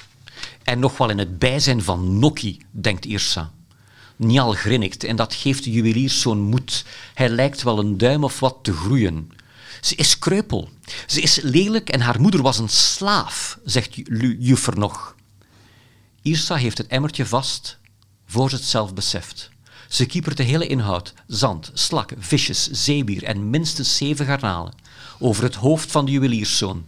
Luffer schreeuwt en dan beukt ze de houten emmer nog eens tegen zijn kop. Hij valt van zijn stoel af. Ik wil jou ook niet, vieze trollenkop, schreeuwt ze luid genoeg, zodat de goden het ook kunnen horen. Nokkie trekt Ierse achteruit. Hij heeft zijn armen om haar middel. Alleen daarom zou ze de emmer nog eens op het hoofd van de jongen willen beuken. De juwelenmaker is woedend en Luffer jammert als een varken dat uit zijn favoriete modderpoel werd getrapt. dat is een leuk stukje, toch? Het is ook weer echt zo'n heel filmisch stukje. Ja, weet je? ja. Wat ik meteen, Ja. Je schrijft dat zo beelden dat ik het meteen helemaal voor me zie. Zo'n je, wat over die hoofd wordt. eh, Ja, en, Wordt en, en echt ook met, met veel humor zit er ook in, de, in, eh, in Ja. sowieso in jouw boeken. Ik moest in, om IJzerkop ook echt vreselijk hard lachen soms. Eh, ja, maar dit- dat is wel bijzonder, omdat toch historische romans. hè, Je denkt, ik lees een historische roman. Dat kan ook echt dan heel feitelijk en, ehm, en, en, en zijn. Hè? Dat of heel bijna- serieus gewoon. Ja, weet je, dat dat je het bijna wel een spannend is, maar leerboek serieus. hebt. Maar dat Ja. is in jouw geval zijn het echt hele grappige, Ja. Onderhoudende, beeldende boeken. Nou ja, zij Ja. dus echt wel veel... eh, of je er wat over zeggen, Jean-Claude? Nee, het was Ja, ja, je haalde adem. je mag wel je haalde nee, adem. Nee, ik laatst had ik een, was ik aan een scenario aan het werken en de regisseur zei, ja, er mag geen humor in. Oh. Vreselijk om te doen. Vond- Lijkt me- Ja, Dus, eh, het lijkt me nu wel een nare film. Ja, ja. maar goed, eh, wat, wat ik wou gaan zeggen is dat Irza die, eh, die komt eh, echt flink vaak eh, voor zichzelf op in het boek. We vroegen ons toch een beetje af hoe realistisch is dat in die samenleving? Is dat dan toch jouw... Een, zitten we in de 21ste eeuw nu? Ja. Ja, 21ste eeuwse blik op, op die negende eeuw? Of heb je ook aanwijzingen gevonden in je research dat, dat er dit soort vrouwen waren die zich gewoon het permitteerden om een een emmer. Ja, precies, dat wou ik gaan zeggen. Ja, over een jonge he- jongeling heen te kieperen. Ja, ik, ik, eh, het is een goede vraag. Ik geloof wel dat het eh, mogelijk was. Eh, bijvoorbeeld de, de, de, de oma Gudrun. Ehm, ik hou van mijn slechte personages ook, zeg maar. Ik, eh, Het is een tang, en- hè, die Ja, het is vrouw. een Ja. tang, maar zij is ook wel meegeweest op vikingtocht hè, met haar lief toen als ze 16 jaar was. En eh, ze, ze heeft ook een oma die behoorlijk wat durfde. En, ehm, en dus ik denk dat de, de, de tegenstelling tussen vrouwen en mannen toen niet zo ja, conservatief was als, als eh, in de wereld van Karel de Goede. Dus ik denk wel dat het kon, echt wel. Ik denk wel dat een meisje zich eh, op die manier kon verweren. Zo. Ja, ja. Eh, dat geloof ik wel, ja. Ja. Ja, het is zondagmiddag, dus we moeten het even over het geloof hebben ook. Ja, lijkt Ja. me goed. Ja, lijkt me goed. Maar het geloof en de godenwereld speelt natuurlijk een hele belangrijke rol Ja, in dit ja, boek. Hè? Die, ja. die Noorse Ja. mythologie hebben we al Ja. een beetje over gehad. Maar ook Ja. het katholieke Ja. geloof, die eigenlijk Ja. een, een belangrijke tweede lijn vormt ja. In het Ja. boek. Ben jij als Vlaming, sta jij in die traditie van het katholieke geloof? Oh, ik ben opgegroeid eh, eh, tussen de paters. Dus zeg Ja. maar eh, op, een, eh, op, een, eh, een, op een school die heette Sint Gregorius, hè, naar een paus. Ja. en eh, dus ik ben wel met de Bijbel eh, opgegroeid, ja. Ja. Ik weet niet Ja. of die paters eh, dit boek zullen waarderen. Het christendom komt er niet altijd even goed af vanuit de blik van Irza. Ja. Ehm, want wat er gebeurt is dat er een... ehm, ja, het katholicisme bereikt eigenlijk eh Mimirs krukje in de persoon van een non. Die is eh, eh, ja, geroofd eigenlijk of geschaakt of ik weet niet hoe je dat zegt. Tijdens een van Gegijzeld, gegijzeld, ja, Ja, dat is het ja. goede woord. Ja. Tijdens een van de vaartochten van onder andere de vader van Irza en andere mannen uit het dorp, die zijn naar eh, Ganda, Gent, Ja. jouw, Ja. jouw eh, Ja. geboorteplaats, Ja. Ja. eh, eh, gevaren met z'n allen. En die hebben daar eh, flink eh, huis gehouden en geroofd. En die hebben een jonge non meegenomen terug naar Mimirs Krukje. Die jonge non die heeft een mannennaam naar eh, eh, eh, zuster Job, heet ze. En zij, eh eh, Irza, die krijgt de opdracht om eh, ja, dat meisje eigenlijk een beetje in de gaten te houden, op haar te passen. En wat was je bedoeling daarmee? Met, met het, het introduceren van iemand uit zo'n andere wereld in de wereld van Irza. Van de heidenen, zeg Ja. maar. Dat, voor mij was dat de kern van het boek. De, de, de confrontatie tussen het, ehm, het katholieke geloof toen en, eh, en de heidense wereld. Dat was ook toen... ehm, Nou mooi, we hebben bijna Ja. een uur en we zijn op de kern van het boek. Ja, dat is heel fijn. Ja, ja, ja. ja. Nee, dat, dat was eigenlijk het idee van, stel dat ik een, ehm, een vikingsdochter zou, eh, hoe heet het, eh, die moet letten op eh, zo'n heel overtuigde non, wat, dat zou, wat dat zou teweeg brengen. Maar ik heb eigenlijk, ik, ben ik heb geprobeerd daar zo objectief mogelijk in te zijn. Ik heb ge- geen- wil geen partij willen kiezen voor het, het christelijke geloof Nee. of voor een heidense geloof. Ik heb het... Ja, want je laat ze beide eigenlijk een beetje in verwondering, verbazing, ook soms in grote ergernis ja, naar elkaar Ja, kijken. ja. Zo beschrijven ze elkaar ook. Hè? Het is, eigenlijk wordt het vanaf dat moment het boek over het nonnetje ja. en het heidinnetje. Hoe Ja, zeg je absoluut. dat? Ja. absoluut. Ja, het zonnetje en het Ja. ja. Ja, Nee, nee, inderdaad. En het is, ook, het is ook een sterk personage. De, de zuster Job. ja, ja, Ja. zuster Job. Ja. Dus eh, Job is natuurlijk in de Bijbel eh, een figuur die, eh, die alle, alle slechte dingen zijn Job overkomen. Hè. Job werd op de proef gesteld voor zijn geloof en bleef aan zijn geloof vasthouden. En dat is ook een beetje wat eh, zuster Job in het boek eigenlijk overkomt. Hè. Zij, eh, wordt, haar geloof wordt ook op de proef gesteld eh, bij de heidenen. Zeker door Irsa, die, eh, die natuurlijk met de elfen onder de, de, Ja. de stenen en met de goden eh, bezig is. Dus dat leek mij een heel interessante.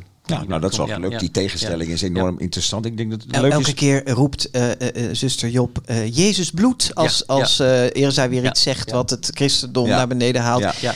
En Irza op haar be- eh, beurt die eh, beschrijft eh, Jezus als dat lijk aan het kruis. Hè? Ja, Ik ja, bedoel, dat, ja. Ja. dat is zo ongeveer de twee werelden ehm, die, die je tegen Ja, elkaar ja. zet. Als je het volgende stukje wil voorlezen, dan Ja, blijkt dat. Want die, die, die zuster Job komt in dat dorpje, Miers Krukje. En dan gaan ze al snel.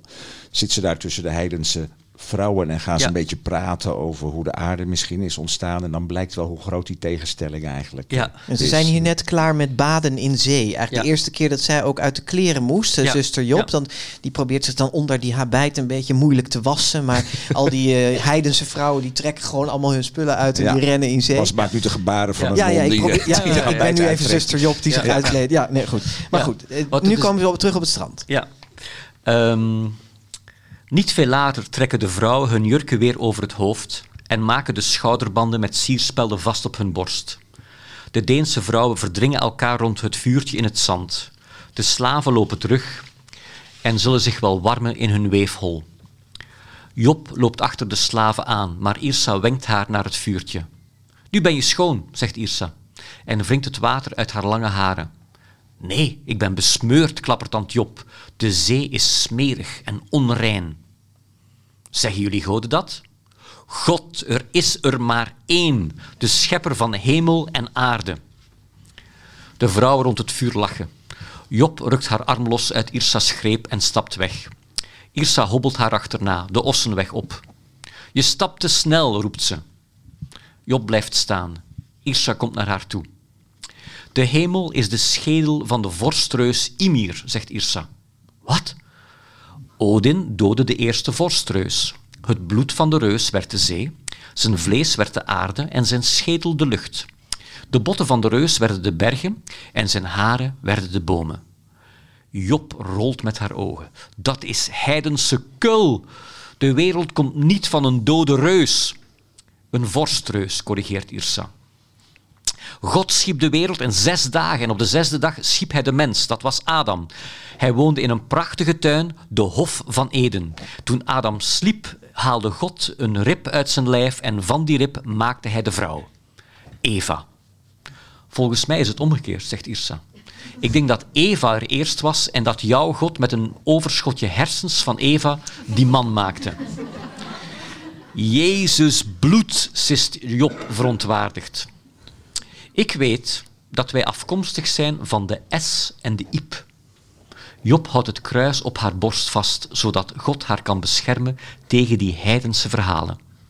Nou, we hebben niks te veel gezegd dat er hele grappige passages in Ja. het boek staan. Een hele feministische passages. Ja. De man als een, eh, gemaakt uit een overschotje hersenen van de vrouw. Nou, Ja, heerlijk. Ja. Nou ja, zo gaan ze eigenlijk wel daarna voortdurend eigenlijk een beetje tegen elkaar te keren. Hè? Over Ja, dat geloof. Zo, eh, tegen elkaar. Ik, dat- ja, dat lijkt me inderdaad, een, je zegt het is de kern van het boek. Maar het lijkt me ook heerlijk om te, om te schrijven. Wist Ja. je meteen die zuster Job, van dat, dat, dat, die moet in dat boek. Dat is een fijn personage. Ja, ik wist dat ze op dat hier zo'n bepaald ogenblik een zuster Job moest eh, tegenkomen. Maar ik, eh, zoals ik aan de meeste boeken, ik begin eigenlijk zonder plan aan een boek. Het enige wat ik wist, op een bepaald moment moet Irsa een zuster tegen het lijf lopen.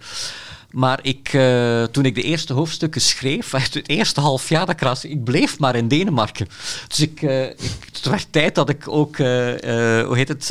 overging. ja, Ja. de wereld van Job. dus, ehm, en, maar Job is op een bepaald moment is erbij gekomen. En ja, ik vond het ook. Eh, ik heb ook met een archeoloog gepraat eh, in Gent van hoe de stad er moest uitgezien hebben.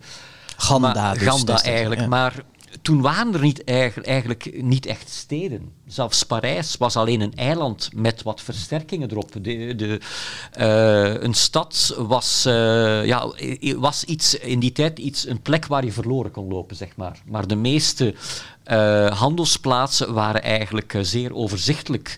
En eh, Ganda was eigenlijk een, een klooster met, met wat scheepswerven er rond. Ja. En twee torens. En ik vond dat, want ik dacht, ja, dat zal ook toen wel een stad geweest zijn. Maar dat was niet zo. We krijgen later in het boek ook inderdaad meer de wereld van Job te zien. Hè, hoe dat Ja. was in dat klooster. Heel grappig stukje daarvan is ook dat zij ehm, de monniken die de Bijbel schrijven helpt. Ja. Met eh, kleurtjes uitkiezen en zo. Waarmee ze de hoofdletters versieren en dat soort dingen. Die Bijbel die ruikt naar kattenpis. Hoe kan dat? Eh, ja, omdat, eh, hoe heet het? eh, al, die, al die, dat zijn allemaal natuurlijk, het wordt geschreven op leer. Hè, op, eh, Huiden. Op Ja. huiden, inderdaad. En die liggen daar. En, eh en s'nachts plast daar wel eens een kat tegen. en daarom... eh, en die Bijbel was dan de meest onwel... En die was bijna klaar. Dus dat vonden ze heel frustrerend, die monniken. Ja, maar daar werken En ze jaren Daar werken ze aan, jaren ja. aan. Dus ik... Ja, Leek mij Ja. iets typisch wat een kat kon doen. En want ze hielden natuurlijk katten om de muizen vooral tegen te gaan die het leer zouden kapot kunnen bijten. Dus, Niet om de eh, Bijbel onder te ja, ja, plassen. dus, Ja. ja, dus, eh, maar zo'n kat doet dan wel iets anders natuurlijk. Dus, eh, En dan ja. staat er een fantastisch stukje in dat, dat hij, hij, of zij zich voorstelt dat de, de bisschop of weet ik wat die Bijbel openslaat en dat de Aroma. geuren, de aroma van kattenpis hem tegemoet ja, komt. Wie Ja. een kat heeft, die Ja. weet hoe dat kan ruiken. Nou, inderdaad, ja. Het Maar was wat ik me nog echt wel- een bijbel voor de bisschop. Ja, ja, precies. Wat ik me afvroeg, eh, Jean-Claude, is eh, in het boek raken zij toch steeds heel voorzichtig, maar toch steeds meer bekend met elkaars geloofswereld. Hè? Ehm, heel af en toe lijkt het er ook op dat ze sommige dingetjes van elkaar overnemen, maar dat is maar heel lichtjes. Hè. Ehm, zuster Job eh, eh, zegt op een gegeven moment in het boek, eh, noemt ze iets uit de Noordse mythologie tegen iemand anders, waar, waar eer zij niet eens bij is. Nou ja, dat voert nu te ver om dat uit te Ja. leggen, maar goed, er zijn momenten waarop je denkt, oh, ze schrijven toch een beetje op in elkaars Ja, ze groeien richting. geloofsmatig een beetje naar elkaar Ja. toe Ja. of zo. Is dat, is ja. zo. Ja, dat is zo. Ja. Waar had je Dat daar is, een vraag over? of? Nou ja, ik, ik Ja. wou eigenlijk weten van jij bent zelf in een katholieke traditie opgegroeid, dus heel erg met die paters zei je al, Ja, die de ja. geschiedenis bepaalden. Eh, hoe, hoe is, is dat vergelijkbaar met hoe het bij jou gegaan is, of ben jij nog steeds een, een ras-echte katholiek? Of, eh, Nee, nee, nee. Nee, ik, vind het, ik, vond, ik, vond ook, ik vond ook die mythes zeer fascinerend. Dus, dus eh, ja. nee. Ik, eh, het geloof ben ik eh, ja, onderweg verloren wel, denk ik. Ja, ja. maar je bent nu niet geen aanhanger van Odin geworden Nee, nee, nee. Ik vind het nog altijd fascinerend. Dus ik, eh, ik probeer het ook zo respectvol mogelijk te, te vertellen. Ja. Eh, Dus ik probeer zeker eh, eh, niks tegen het geloof te vertellen. Maar ik probeer het eerlijk te vertellen zoals het... eh, Zoals Irsa het ziet en zoals zuster Job het ziet. Ja. Want ik denk dat ze, ze hebben allebei evenveel mensen sympathie, zeg maar. Ja, Ja. dat, ja, ik vind dat toch het interessante van zo'n boek, als je dat weer leest, hoe die verschillende geloofsopvattingen en levensbeschouwingen eigenlijk naast elkaar in, op de wereld, eigenlijk niet zo heel ver van elkaar vandaan, hè, want Denemarken is natuurlijk heel Ja. dichtbij hier, Eh, bestonden. En dat, en dat dat dus later, kijk, nu zijn we allemaal hier natuurlijk in het christendom ingelijfd in West-Europa. Ja, maar, Ehm. maar in die tijd, eh, d- dus eh, Karel de Groot heeft eigenlijk ook een grote, hoe heet het, heeft het christendom heel erg gepromoot, maar heel veel mensen toen, eh, zeker in, eh, in de, in, aan onze kusten, België, t- Nederland, Duitsland, waren toen nog heel erg heidens.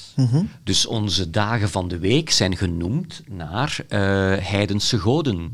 Eh, dinsdag is de dag Ja. van Tier, de oorlogsgod. Woensdag eh, de, de Odinsdag, maar bij ons werd, werd Odan Wodan of Wodan Ja. genoemd.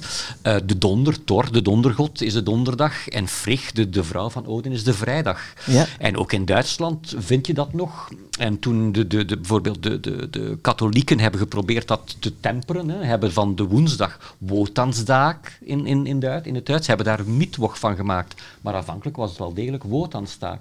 Ja. En, en ook bij ons is er een hele stroming geweest dat die namen moesten veranderen. Er moest een Matthäusdag worden, een Paulusdag. Maar het, eh, het heidense was zo diep in de mensen, en vandaag de dag ook nog. We zijn nog altijd bijgelovig. Ja. Ja. Dus dat heidens zit er nog altijd wel in. Eh, en dat is, eh, want vaak hadden mensen wel een kruis hangen, maar er, waren altijd, er was nog altijd bijgeloof. Er waren nog altijd hoefijzers voor de huizen. Ja. En dat is een, zijn heidense symbolen Ja. gewoon. En, het, hè. en het Dus, voorbeeld van de kerstboom komt er eigenlijk ook in voor. Ja, hè? de Want kerstboom, ja, er wordt op een gegeven moment wordt er eh, midwinter gevierd in, in, eh, in Eersa's dorp. En dan wordt er een boom opgericht. En daar hangen ze allerlei fruit en weet ik wat dat dingen in. En eh, het nonnetje kijkt daarnaar en die kent dat helemaal nog niet. Terwijl wij nu de kerstbomen natuurlijk heel erg Ja, met ja. kerstmis. Dat hebben ze Associëren. Ja, ja. Ja. Dus het Ja, kerstboom ja. heeft eigenlijk die kerstboom geïmporteerd, zeg Ja. maar. Ja. Ja. Ja. Maar ik denk bij zo'n historisch boek ook altijd heel snel van wat, wat kunnen we voor deze tijd daarvan leren? Hè? Hoe kunnen we het naar deze tijd trekken en, en past En dan Ja. denk ik bij dit, dit waar, waar het over het geloof gaat, dat het eigenlijk nog heel erg actueel is ook Ja. nog steeds. Hè? Ik bedoel, die geloofstromingen die tegenover elkaar staan, zelfs binnen. Ik las vandaag nog weer een verhaal dat de christelijk gereformeerden, dat er nu weer een splitsing in Nederland ontstaat, omdat ze Ja. nog steeds geen vrouwen in het ambt willen. Hè? Ja, dus ja. de- de- dat, nou ja, dat beschrijf je eigenlijk wel heel mooi in het Ja, boek. Dat, ja. ze willen wel tot elkaar komen, maar ze vinden elkaar toch ook wel echt heel raar. Ja. Ja. Ja. Jij, jij zei daar straks dat die botsing tussen die twee geloofsopvattingen of eh, ja, levensbeschouwingen eigenlijk voor jou de kern vormde van het boek. Vond ik toch een tikje jammer om te horen, want mijn recensie moet nog verschijnen, maar daarin zeg ik iets anders. Je zit inmiddels na. Ja, Ik, ik, ik, zal, ik zal het anders zeggen. Dat was voor mij, Want ik, als ik aan een boek begin, weet ik ook niet echt precies wat het thema zal zijn. Nee, nee, nee. Nee. Dus, eh, ik had het wel goed in mijn recensie. Oh ja? Ja, Nee. ja. nee, nee. Eh, ik, denk, ik denk dat ik het thema moet ontdekken terwijl ik aan het schrijven ben. Ja. Maar ik wist ergens dat eh, dat conflict tussen die twee geloofsopvattingen, dat ik daar veel mee kon doen. Ja. Ja, dus maar daar er ging is nog ik wel een andere naartoe. kern, wil Bas Ja. zeggen, denk Ja. ik. En, en, en die, dat staat hier eigenlijk niet eens zo haaks op, want dat gaat heel erg over de lotsbestemming. Hè? Toch over... Mhm. Hij blijft wel heel stil, vind ik. Ja, Kijk, een beetje Ja, ja. Nou ja, dat, dat was voor, voor mij, eh, naar mijn gevoel, eh, vond ik dat heel erg eh, de kern van het boek. Van, hè, van hoe, hoe het lot, of dat bepaald wordt door God of door de nornen onderaan de. Of het bepaald wordt door je, je uiterlijk, hè, die klomp voet of de habit die je draagt. Of door je innerlijk en wat je zelf wil in het leven, je eigen, Ja. eigen wilskracht. Je knikt, ja, ja. dat, absoluut, maar dat niet staat fout. ook niet zo ver af van wat je Ja, net ja, zei ja, eigenlijk, ja. toch? Over Ja. die... Nee, want het lot, de, ja, ze zijn zo geobsedeerd allebei door hun lotsbestemmingen. Zij, Ja. eh, ze, weten, ze denken te weten hoe hun leven zich, eh, zich zal ontrollen. Eh, maar allebei nemen ze zelf een beslissing. Ja, ja. Eh, en bepalen ze eigenlijk hun eigen lot. Eh, Hoe, hoe, sta jij daarin? Denk je dat het vast ligt voor jou? Wat, wat je allemaal Nee, gaat doen dat nog in je het leven? eigen lot altijd maakt. Hmm. Ik denk dat je, ja, we maken ook ons eigen geluk, denk ik, door, of, door de dingen te beslissen die we doen, door zelf. Dus er, over, er overkomt je in die zin... De, ik bedoel, ellende kan toch mensen ja, overkomen? dingen kan je overkomen, ja, absoluut. Maar je, het is, je hebt veel, ehm, veel hangt af van jezelf. Ik denk dat Ja? je, ja, we, dat we ons lot zelf in handen moeten nemen. Dat, Ja. eh, Want- ja. Maar dat hier dan in je boek staat bijvoorbeeld van die series als het lot haalt je altijd in. Ja, dat- ja, inderdaad. maar daar geloof je eigenlijk niet zo in. Eh, nee, want eigenlijk ontkent Iersa dat op het einde ook, denk ik. Allebei eigenlijk eh, maken ze zich los van hun lotsbestemming, denk Ja. ik. Ja. En dat Dan vond ik gaat het- dan gaat het toch over- heldhaftig. Ja. Ja. Dat is eigenlijk het, het proces dat ze doormaken. Het innerlijke Richting de proces, vrije wil, zeg Ja, maar. ja. Dat moeten ze eigenlijk overwinnen in zichzelf, ja, denk ik. Ja. Wanneer heb jij in je leven je lot heel erg in eigen handen genomen en eh, richting geluk gestuurd? Ah, nou, nou komt de dieptevraag. Nou, Ja. nou, nou, nou, nou. Goh, dat is moeilijk. Ik denk dat ik eh, dus op mijn, op mijn dertigste heb ik een eigen productiehuis opgericht. En toen, eh, Voor films, hè? Ja. Voor films, ja. Mijn ouders hebben altijd, ehm, hoe zal ik het zeggen? Ik wou eigenlijk film studeren als ik eh 18 was. Maar dat mocht niet. Dat werd toen niet gedaan. Er was ook, er was ook toen veel werkloosheid.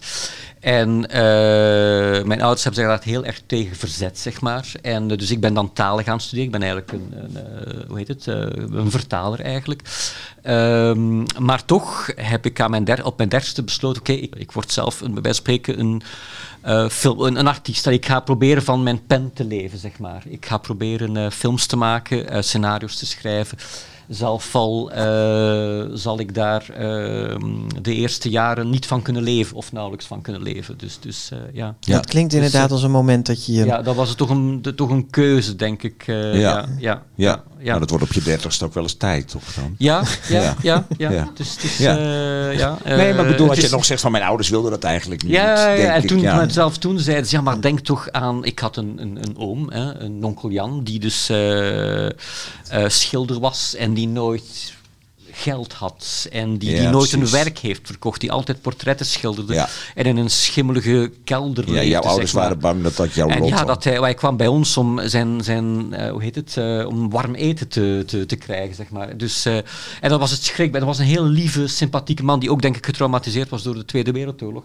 Eh, omdat hij krijgsgevangen was geweest. En, ehm, en dat stond altijd zo bij, oh, gaat toch zo niet. En dat, eh, dus ze waren heel erg voorzichtig, zeg maar. Dus, eh, Ja. Maar Maar je je, hebt je- moet in het leven niet altijd voorzichtig zijn. Nee, precies. Je hebt je ontworsteld aan, eh, Ja, aan ja. Nou ja, de wensen van je ouders in die zin en aan wat zij in hun hoofd hadden voor jouw toekomst. En dat is eigenlijk wat natuurlijk jouw hoofdpersonen ook doen. Hè? Even toch weer terug naar de boeken. Ja. Ja, is dat ook ehm, iets wat je echt be- wat je bewust in zo'n boek stopt? Ik of denk onbewust, denk onbewust, ik. Ja. ja. Ik denk, want ik hoop altijd dat het eh, altijd, eh, elk boek dat je schrijft, is, daar zit heel veel van jezelf in, sowieso. Maar ik probeer er niet te veel over na te denken.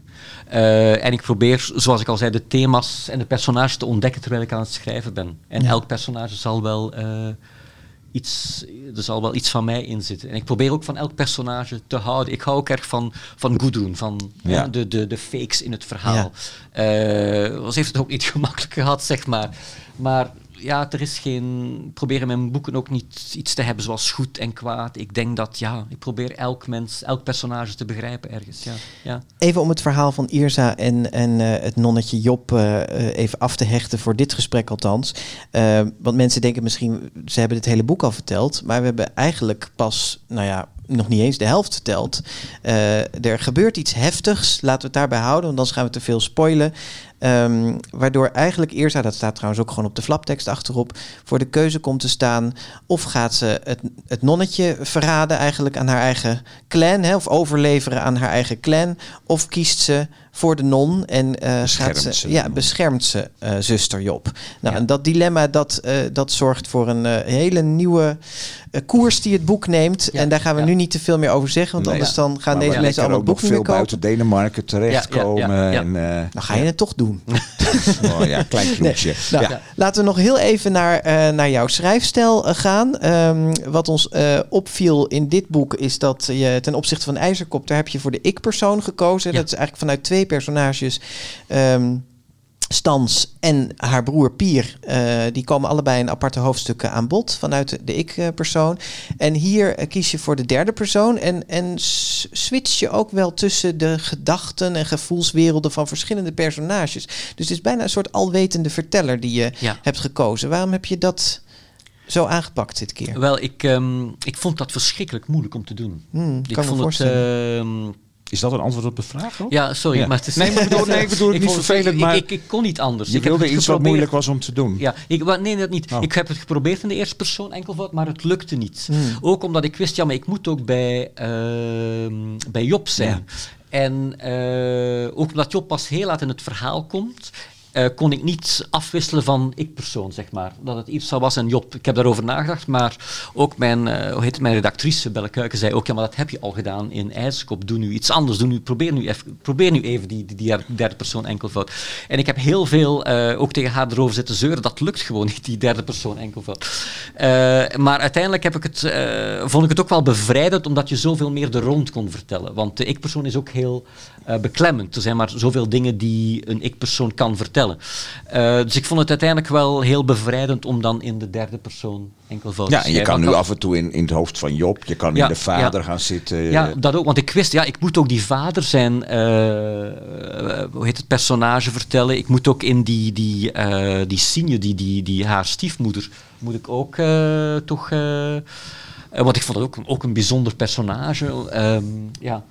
Dus het- het kon niet anders dan in de derde persoon enkelvoud. Maar ik vond het heel moeilijk om te doen, aanvankelijk. Want jouw redactrice vertelde ook nog, ja, we hebben echt alles aan haar gevraagd, dat, dat er ook nog een aantal personages zijn gesneuveld. Je zegt, ik hou zo van mijn personages. Oh, je kijkt me aan alsof dat niet klopt. Eh, personages zijn gesneden. nou ja, dat er echt perso dat, dat, dat er nog meer mensen in het boek waren. ja, ja. Ja. nou, misschien bedoelden ze dat die extra hoofdstukken waar je het in het begin over had, Ja. van die je dan ter Ja. achtergrond informatie voor jezelf misschien schrijft. Ja, ik dan- heb, ja, ja, inderdaad, zeker. In het begin waren, had ik eh, meer uitleg gegeven over nog andere mensen in het dorp. Mhm. Maar ze zei ook, ja, blijf bij, eh, bij Irsa. Dus ehm, Ja. Ja. Goe- Eh, Goeie, goeie redacteur. Ehm, ehm, nou ja, wat, we, wat ons ook opvalt, en dat is de mensen hier eh, en mensen die jouw boeken kennen vast ook al lang opgevallen, is dat je zo ontzettend beeldend schrijft. Hè? Dus dat er heel. ehm, ja, je bedankt me, maar het is natuurlijk gewoon echt iets wat je doet, toch? Dat, eh, dat het allemaal zo. Ja, filmisch ga je dan al snel zeggen. En zeker als je jouw achtergrond kent. Ehm, is, dat, is dat iets, denk je? Je had er straks over dat het elkaar beïnvloedt. Is dat ook iets wat, wat je uit de film misschien meeneemt bij het schrijven van een jeugdroman? Dat je het bijna voor je ziet allemaal tijdens het schrijven? Ja, ik probeer zo ja, expressief mogelijk te zijn. Mhm. En ehm, ja, als ik zo bij een filmscenario heb je dan meestal repetities met de acteurs. En dan valt het mij ook altijd op hoe die acteurs dan proberen in hun personage te kruipen. Zo. En al zichzelf al fysiek hun body language al beginnen aan te passen. En ik probeer eigenlijk als ik schrijf ook heel erg in de huid van mijn personage te zitten. Althans in hun schoenen te staan. Dus te, te denken zoals zij denken. En eh, een beetje te acteren terwijl ik aan het schrijven ben. Zo. Een beetje te, mij inleven. En dat vind Ja. ik eh, altijd ja, Toch die acteur, dat hè? moet, Ja. dat, moet, eh, dat Ja. moet ik doen zo. Eh, ja, Ja. ja. Blijft jammer dat historische films en series zo ontzettend duur zijn om te maken. Want anders Ja. lenen deze boeken zich allemaal uitstekend eh, Ja, zeker, ja. voor, Ja, een, voor ja, een film of een serie. duur, ja. Dat is echt gewoon heel duur. hè? Mocht, ze- mocht er nog een geldschieter luisteren, Ja. meld je kunnen- aan. Ze kunnen gelukkig wel vertaald eh, worden. Ja. Dat, dat Ja. gebeurt eh, ook wel regelmatig. En, en IJzerkop, dat is wel echt leuk en bijzonder. Dat is in maart, onlangs in maart, in Amerika ja, verschenen. Ja. Dat lijkt me wel... dat was dus heel bijzonder. I Dus- have a dream eh, dat mijn Ja, boek in ja, Amerika ja, uitkomt, toch? ja, het is Je bent er ook geweest, toch? Ja, ik Eh, ben er ook geweest, dus ik heb het eh, voorgesteld, een stukje voorgelezen ook eh, in, eh, in eh, een boekhandel in New York. En ehm, er was heel veel enthousiasme, dus het is een kleine uitgeverij in de Verenigde Staten, maar die heel begaan zijn met het boek. Ze hebben het ook heel mooi vertaald eigenlijk. Het is heel... ehm, Het heet Ironhead or Once a Young Lady. ja, En de vertaalster eh, is Kristen Geerman. Eh, Mogen we gewoon op zijn Nederlands zeggen. Ze Ja, is wel ja. geboren Amerikaanse, maar Geerman eh, noemt Ze ze, woont in zichzelf Den. Haag, denk Ja, ik. ze woont in Den Haag, ja. Ja. En zij heeft ook nog een boodschap voor je. Luister maar mee. Hi Jean-Claude, met Kristen German, eh, je Engelse vertaler ehm, van IJzerkop. Eh, zoals je weet was het vertalen van dit boek voor mij gewoon echt een feest. Eh, het was precies het soort boek dat ik graag had willen lezen toen ik 12 jaar oud was. En tijdens het vertalen moest ik eh, heel vaak lachen. Ik vond jouw gevoel voor humor en de schrijfstijl fantastisch. En voor mij was het de uitdaging om dit ook recht te doen in, in het Engels. Eh, ik denk als vertaler leer je de personages in een boek erg goed kennen, om, omdat je je altijd in moet leven. Je moet bijvoorbeeld bedenken hoe een personage uit een andere EU en een ander land dit of dat zou zeggen, alsof diegene gewoon Engels sprak. Uh, maar natuurlijk spraken ze geen Engels. en tegelijkertijd zijn er ook natuurlijk al die lokale begrippen en historische referenties, die ook goed vertaald um, en begrijpbaar moet, moet worden. Een klein voorbeeld. Er is een scène, in het boek waarin de familie bang is dat de vader, die heel veel schulden heeft, naar het rasphuis wordt gestuurd. Het rasphuis is een bekende historische gevangenis in Gent. En het jongste zoontje van de familie vraagt: Wat is het rapshuis? Uh, dus ja, dat is ook schattig. Um, en in het Engels is het voor mij dus de vraag hoe je deze kinderlijke verspreking dan vertaalt. En dan ook nog eens van een onbekende begrip. Wat, wat is een rasphuis voor, voor een Engelse lezer? Dus ik heb gekozen om het Vlaamse woord rasphuis gewoon te gebruiken. Het verhaal speelt zich tenslotte nog steeds in Gent af. We zijn niet in Philadelphia of, of New York of zoiets. Dus we zijn in Gent. En de verspreking is uh, wel in het Engels vertaald. Ik heb um, dat de jongetje vraagt: What is the rat's house? Dus uh, ja, ook schattig en uh, kinderlijk natuurlijk. En het geeft mij als vertaler ook de ruimte om uh, niet alleen de Vlaamse uitspraak in het boek uh, te, te, te zetten, maar dan ook de betekenis van, van het woord in te werken. Um, ja, er zijn zo talloze voorbeelden uh, van Vlaamse en Franse begrippen die ik op een creatieve manier toegankelijk wilde maken voor de jonge Engelstalige lezers. Zoals jij dat ook zo goed deed uh, voor, voor, voor jouw lezers. Ik ben ontzettend blij om te zien dat het boek goed verkocht uh, in Amerika wordt. En dat verbaast me helemaal niet.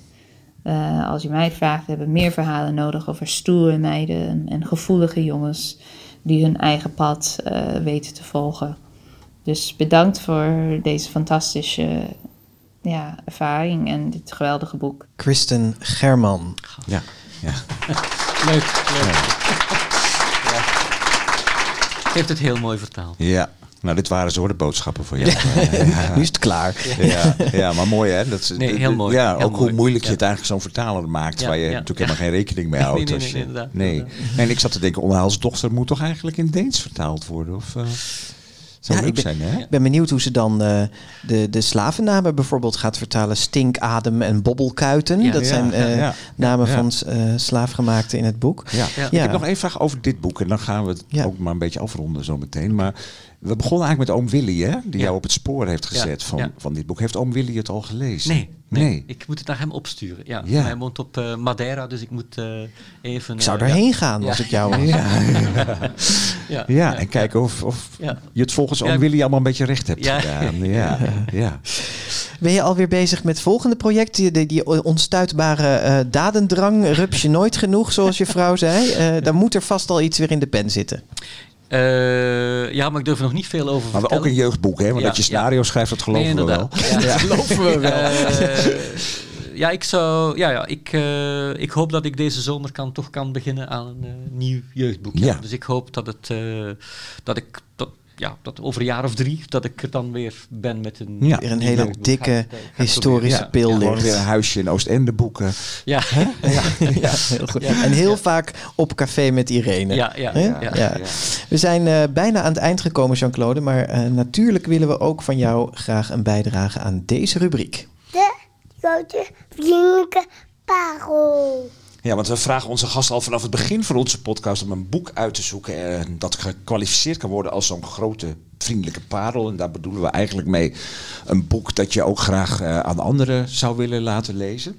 Eh, inmiddels staan er precies 50 boeken op die plank. Ja. En eh, dus jij mag het 51ste boek erbij zetten. En jij, Ja. jij ontdekte ook dat tussen die 50 en toch nog een belangrijke auteur ontbrak. Je hebt haar Ja. naam al genoemd eh, Ja. vanmiddag. Ja. Ja, Thea Beckman ontbrak. Ja.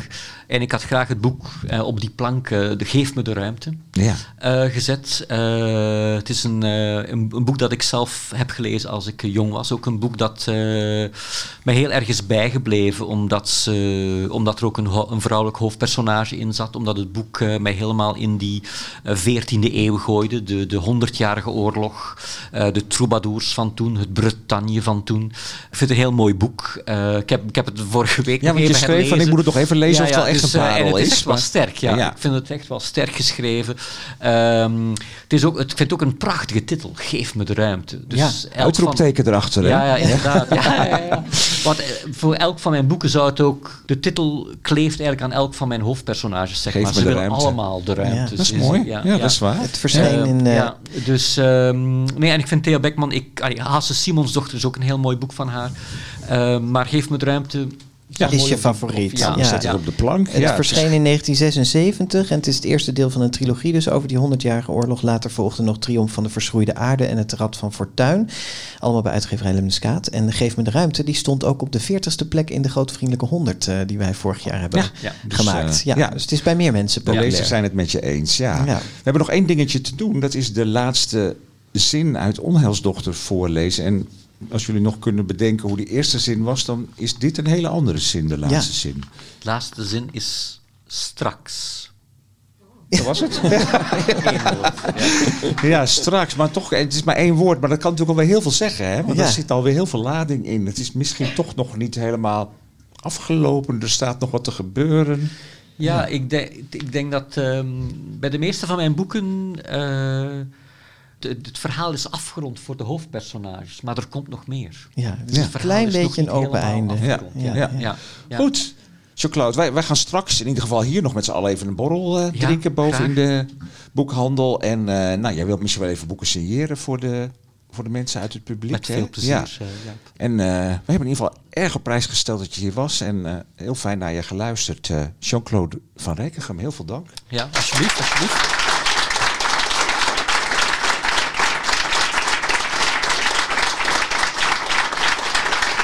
Ja.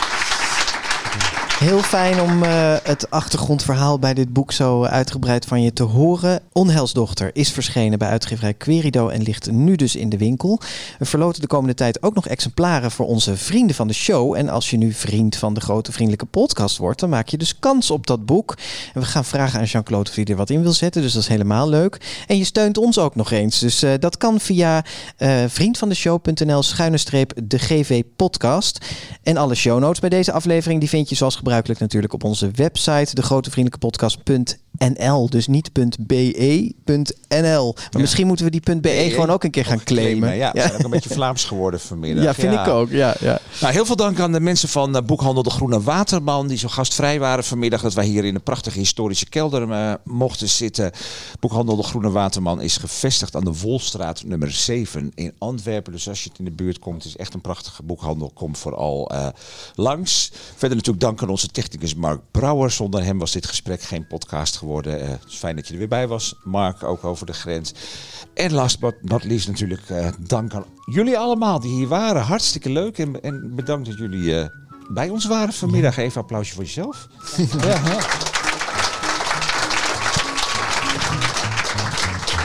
Het is eh, vandaag 29 mei en deze 73ste GVP is alweer, alweer de vierde aflevering van deze maand. Ja, ja, we hebben er even een hele marathon op zitten ja, maar deze nu mag maand. ik even met vakantie, toch? Ja, nu ga jij lekker uitrusten in Portugal Ja, en ja. dan ga ik eh, de honneurs waarnemen. Ehm, we registreerden eerder in mei onder andere de Arnie M. G. Lezing van Marit Turnquist. Daar willen we toch graag nog een keer op wijzen. Want eh, als je die nog niet hebt beluisterd, is het echt een heel mooi Ja. verhaal dat de moeite waard is om even in je oren te krijgen. Jaap, jij gaat dus nu met vakantie. Als je terug bent eind juni, dan nemen we weer snel een grote vriendelijke update op. Gaan we doen. Tot dan.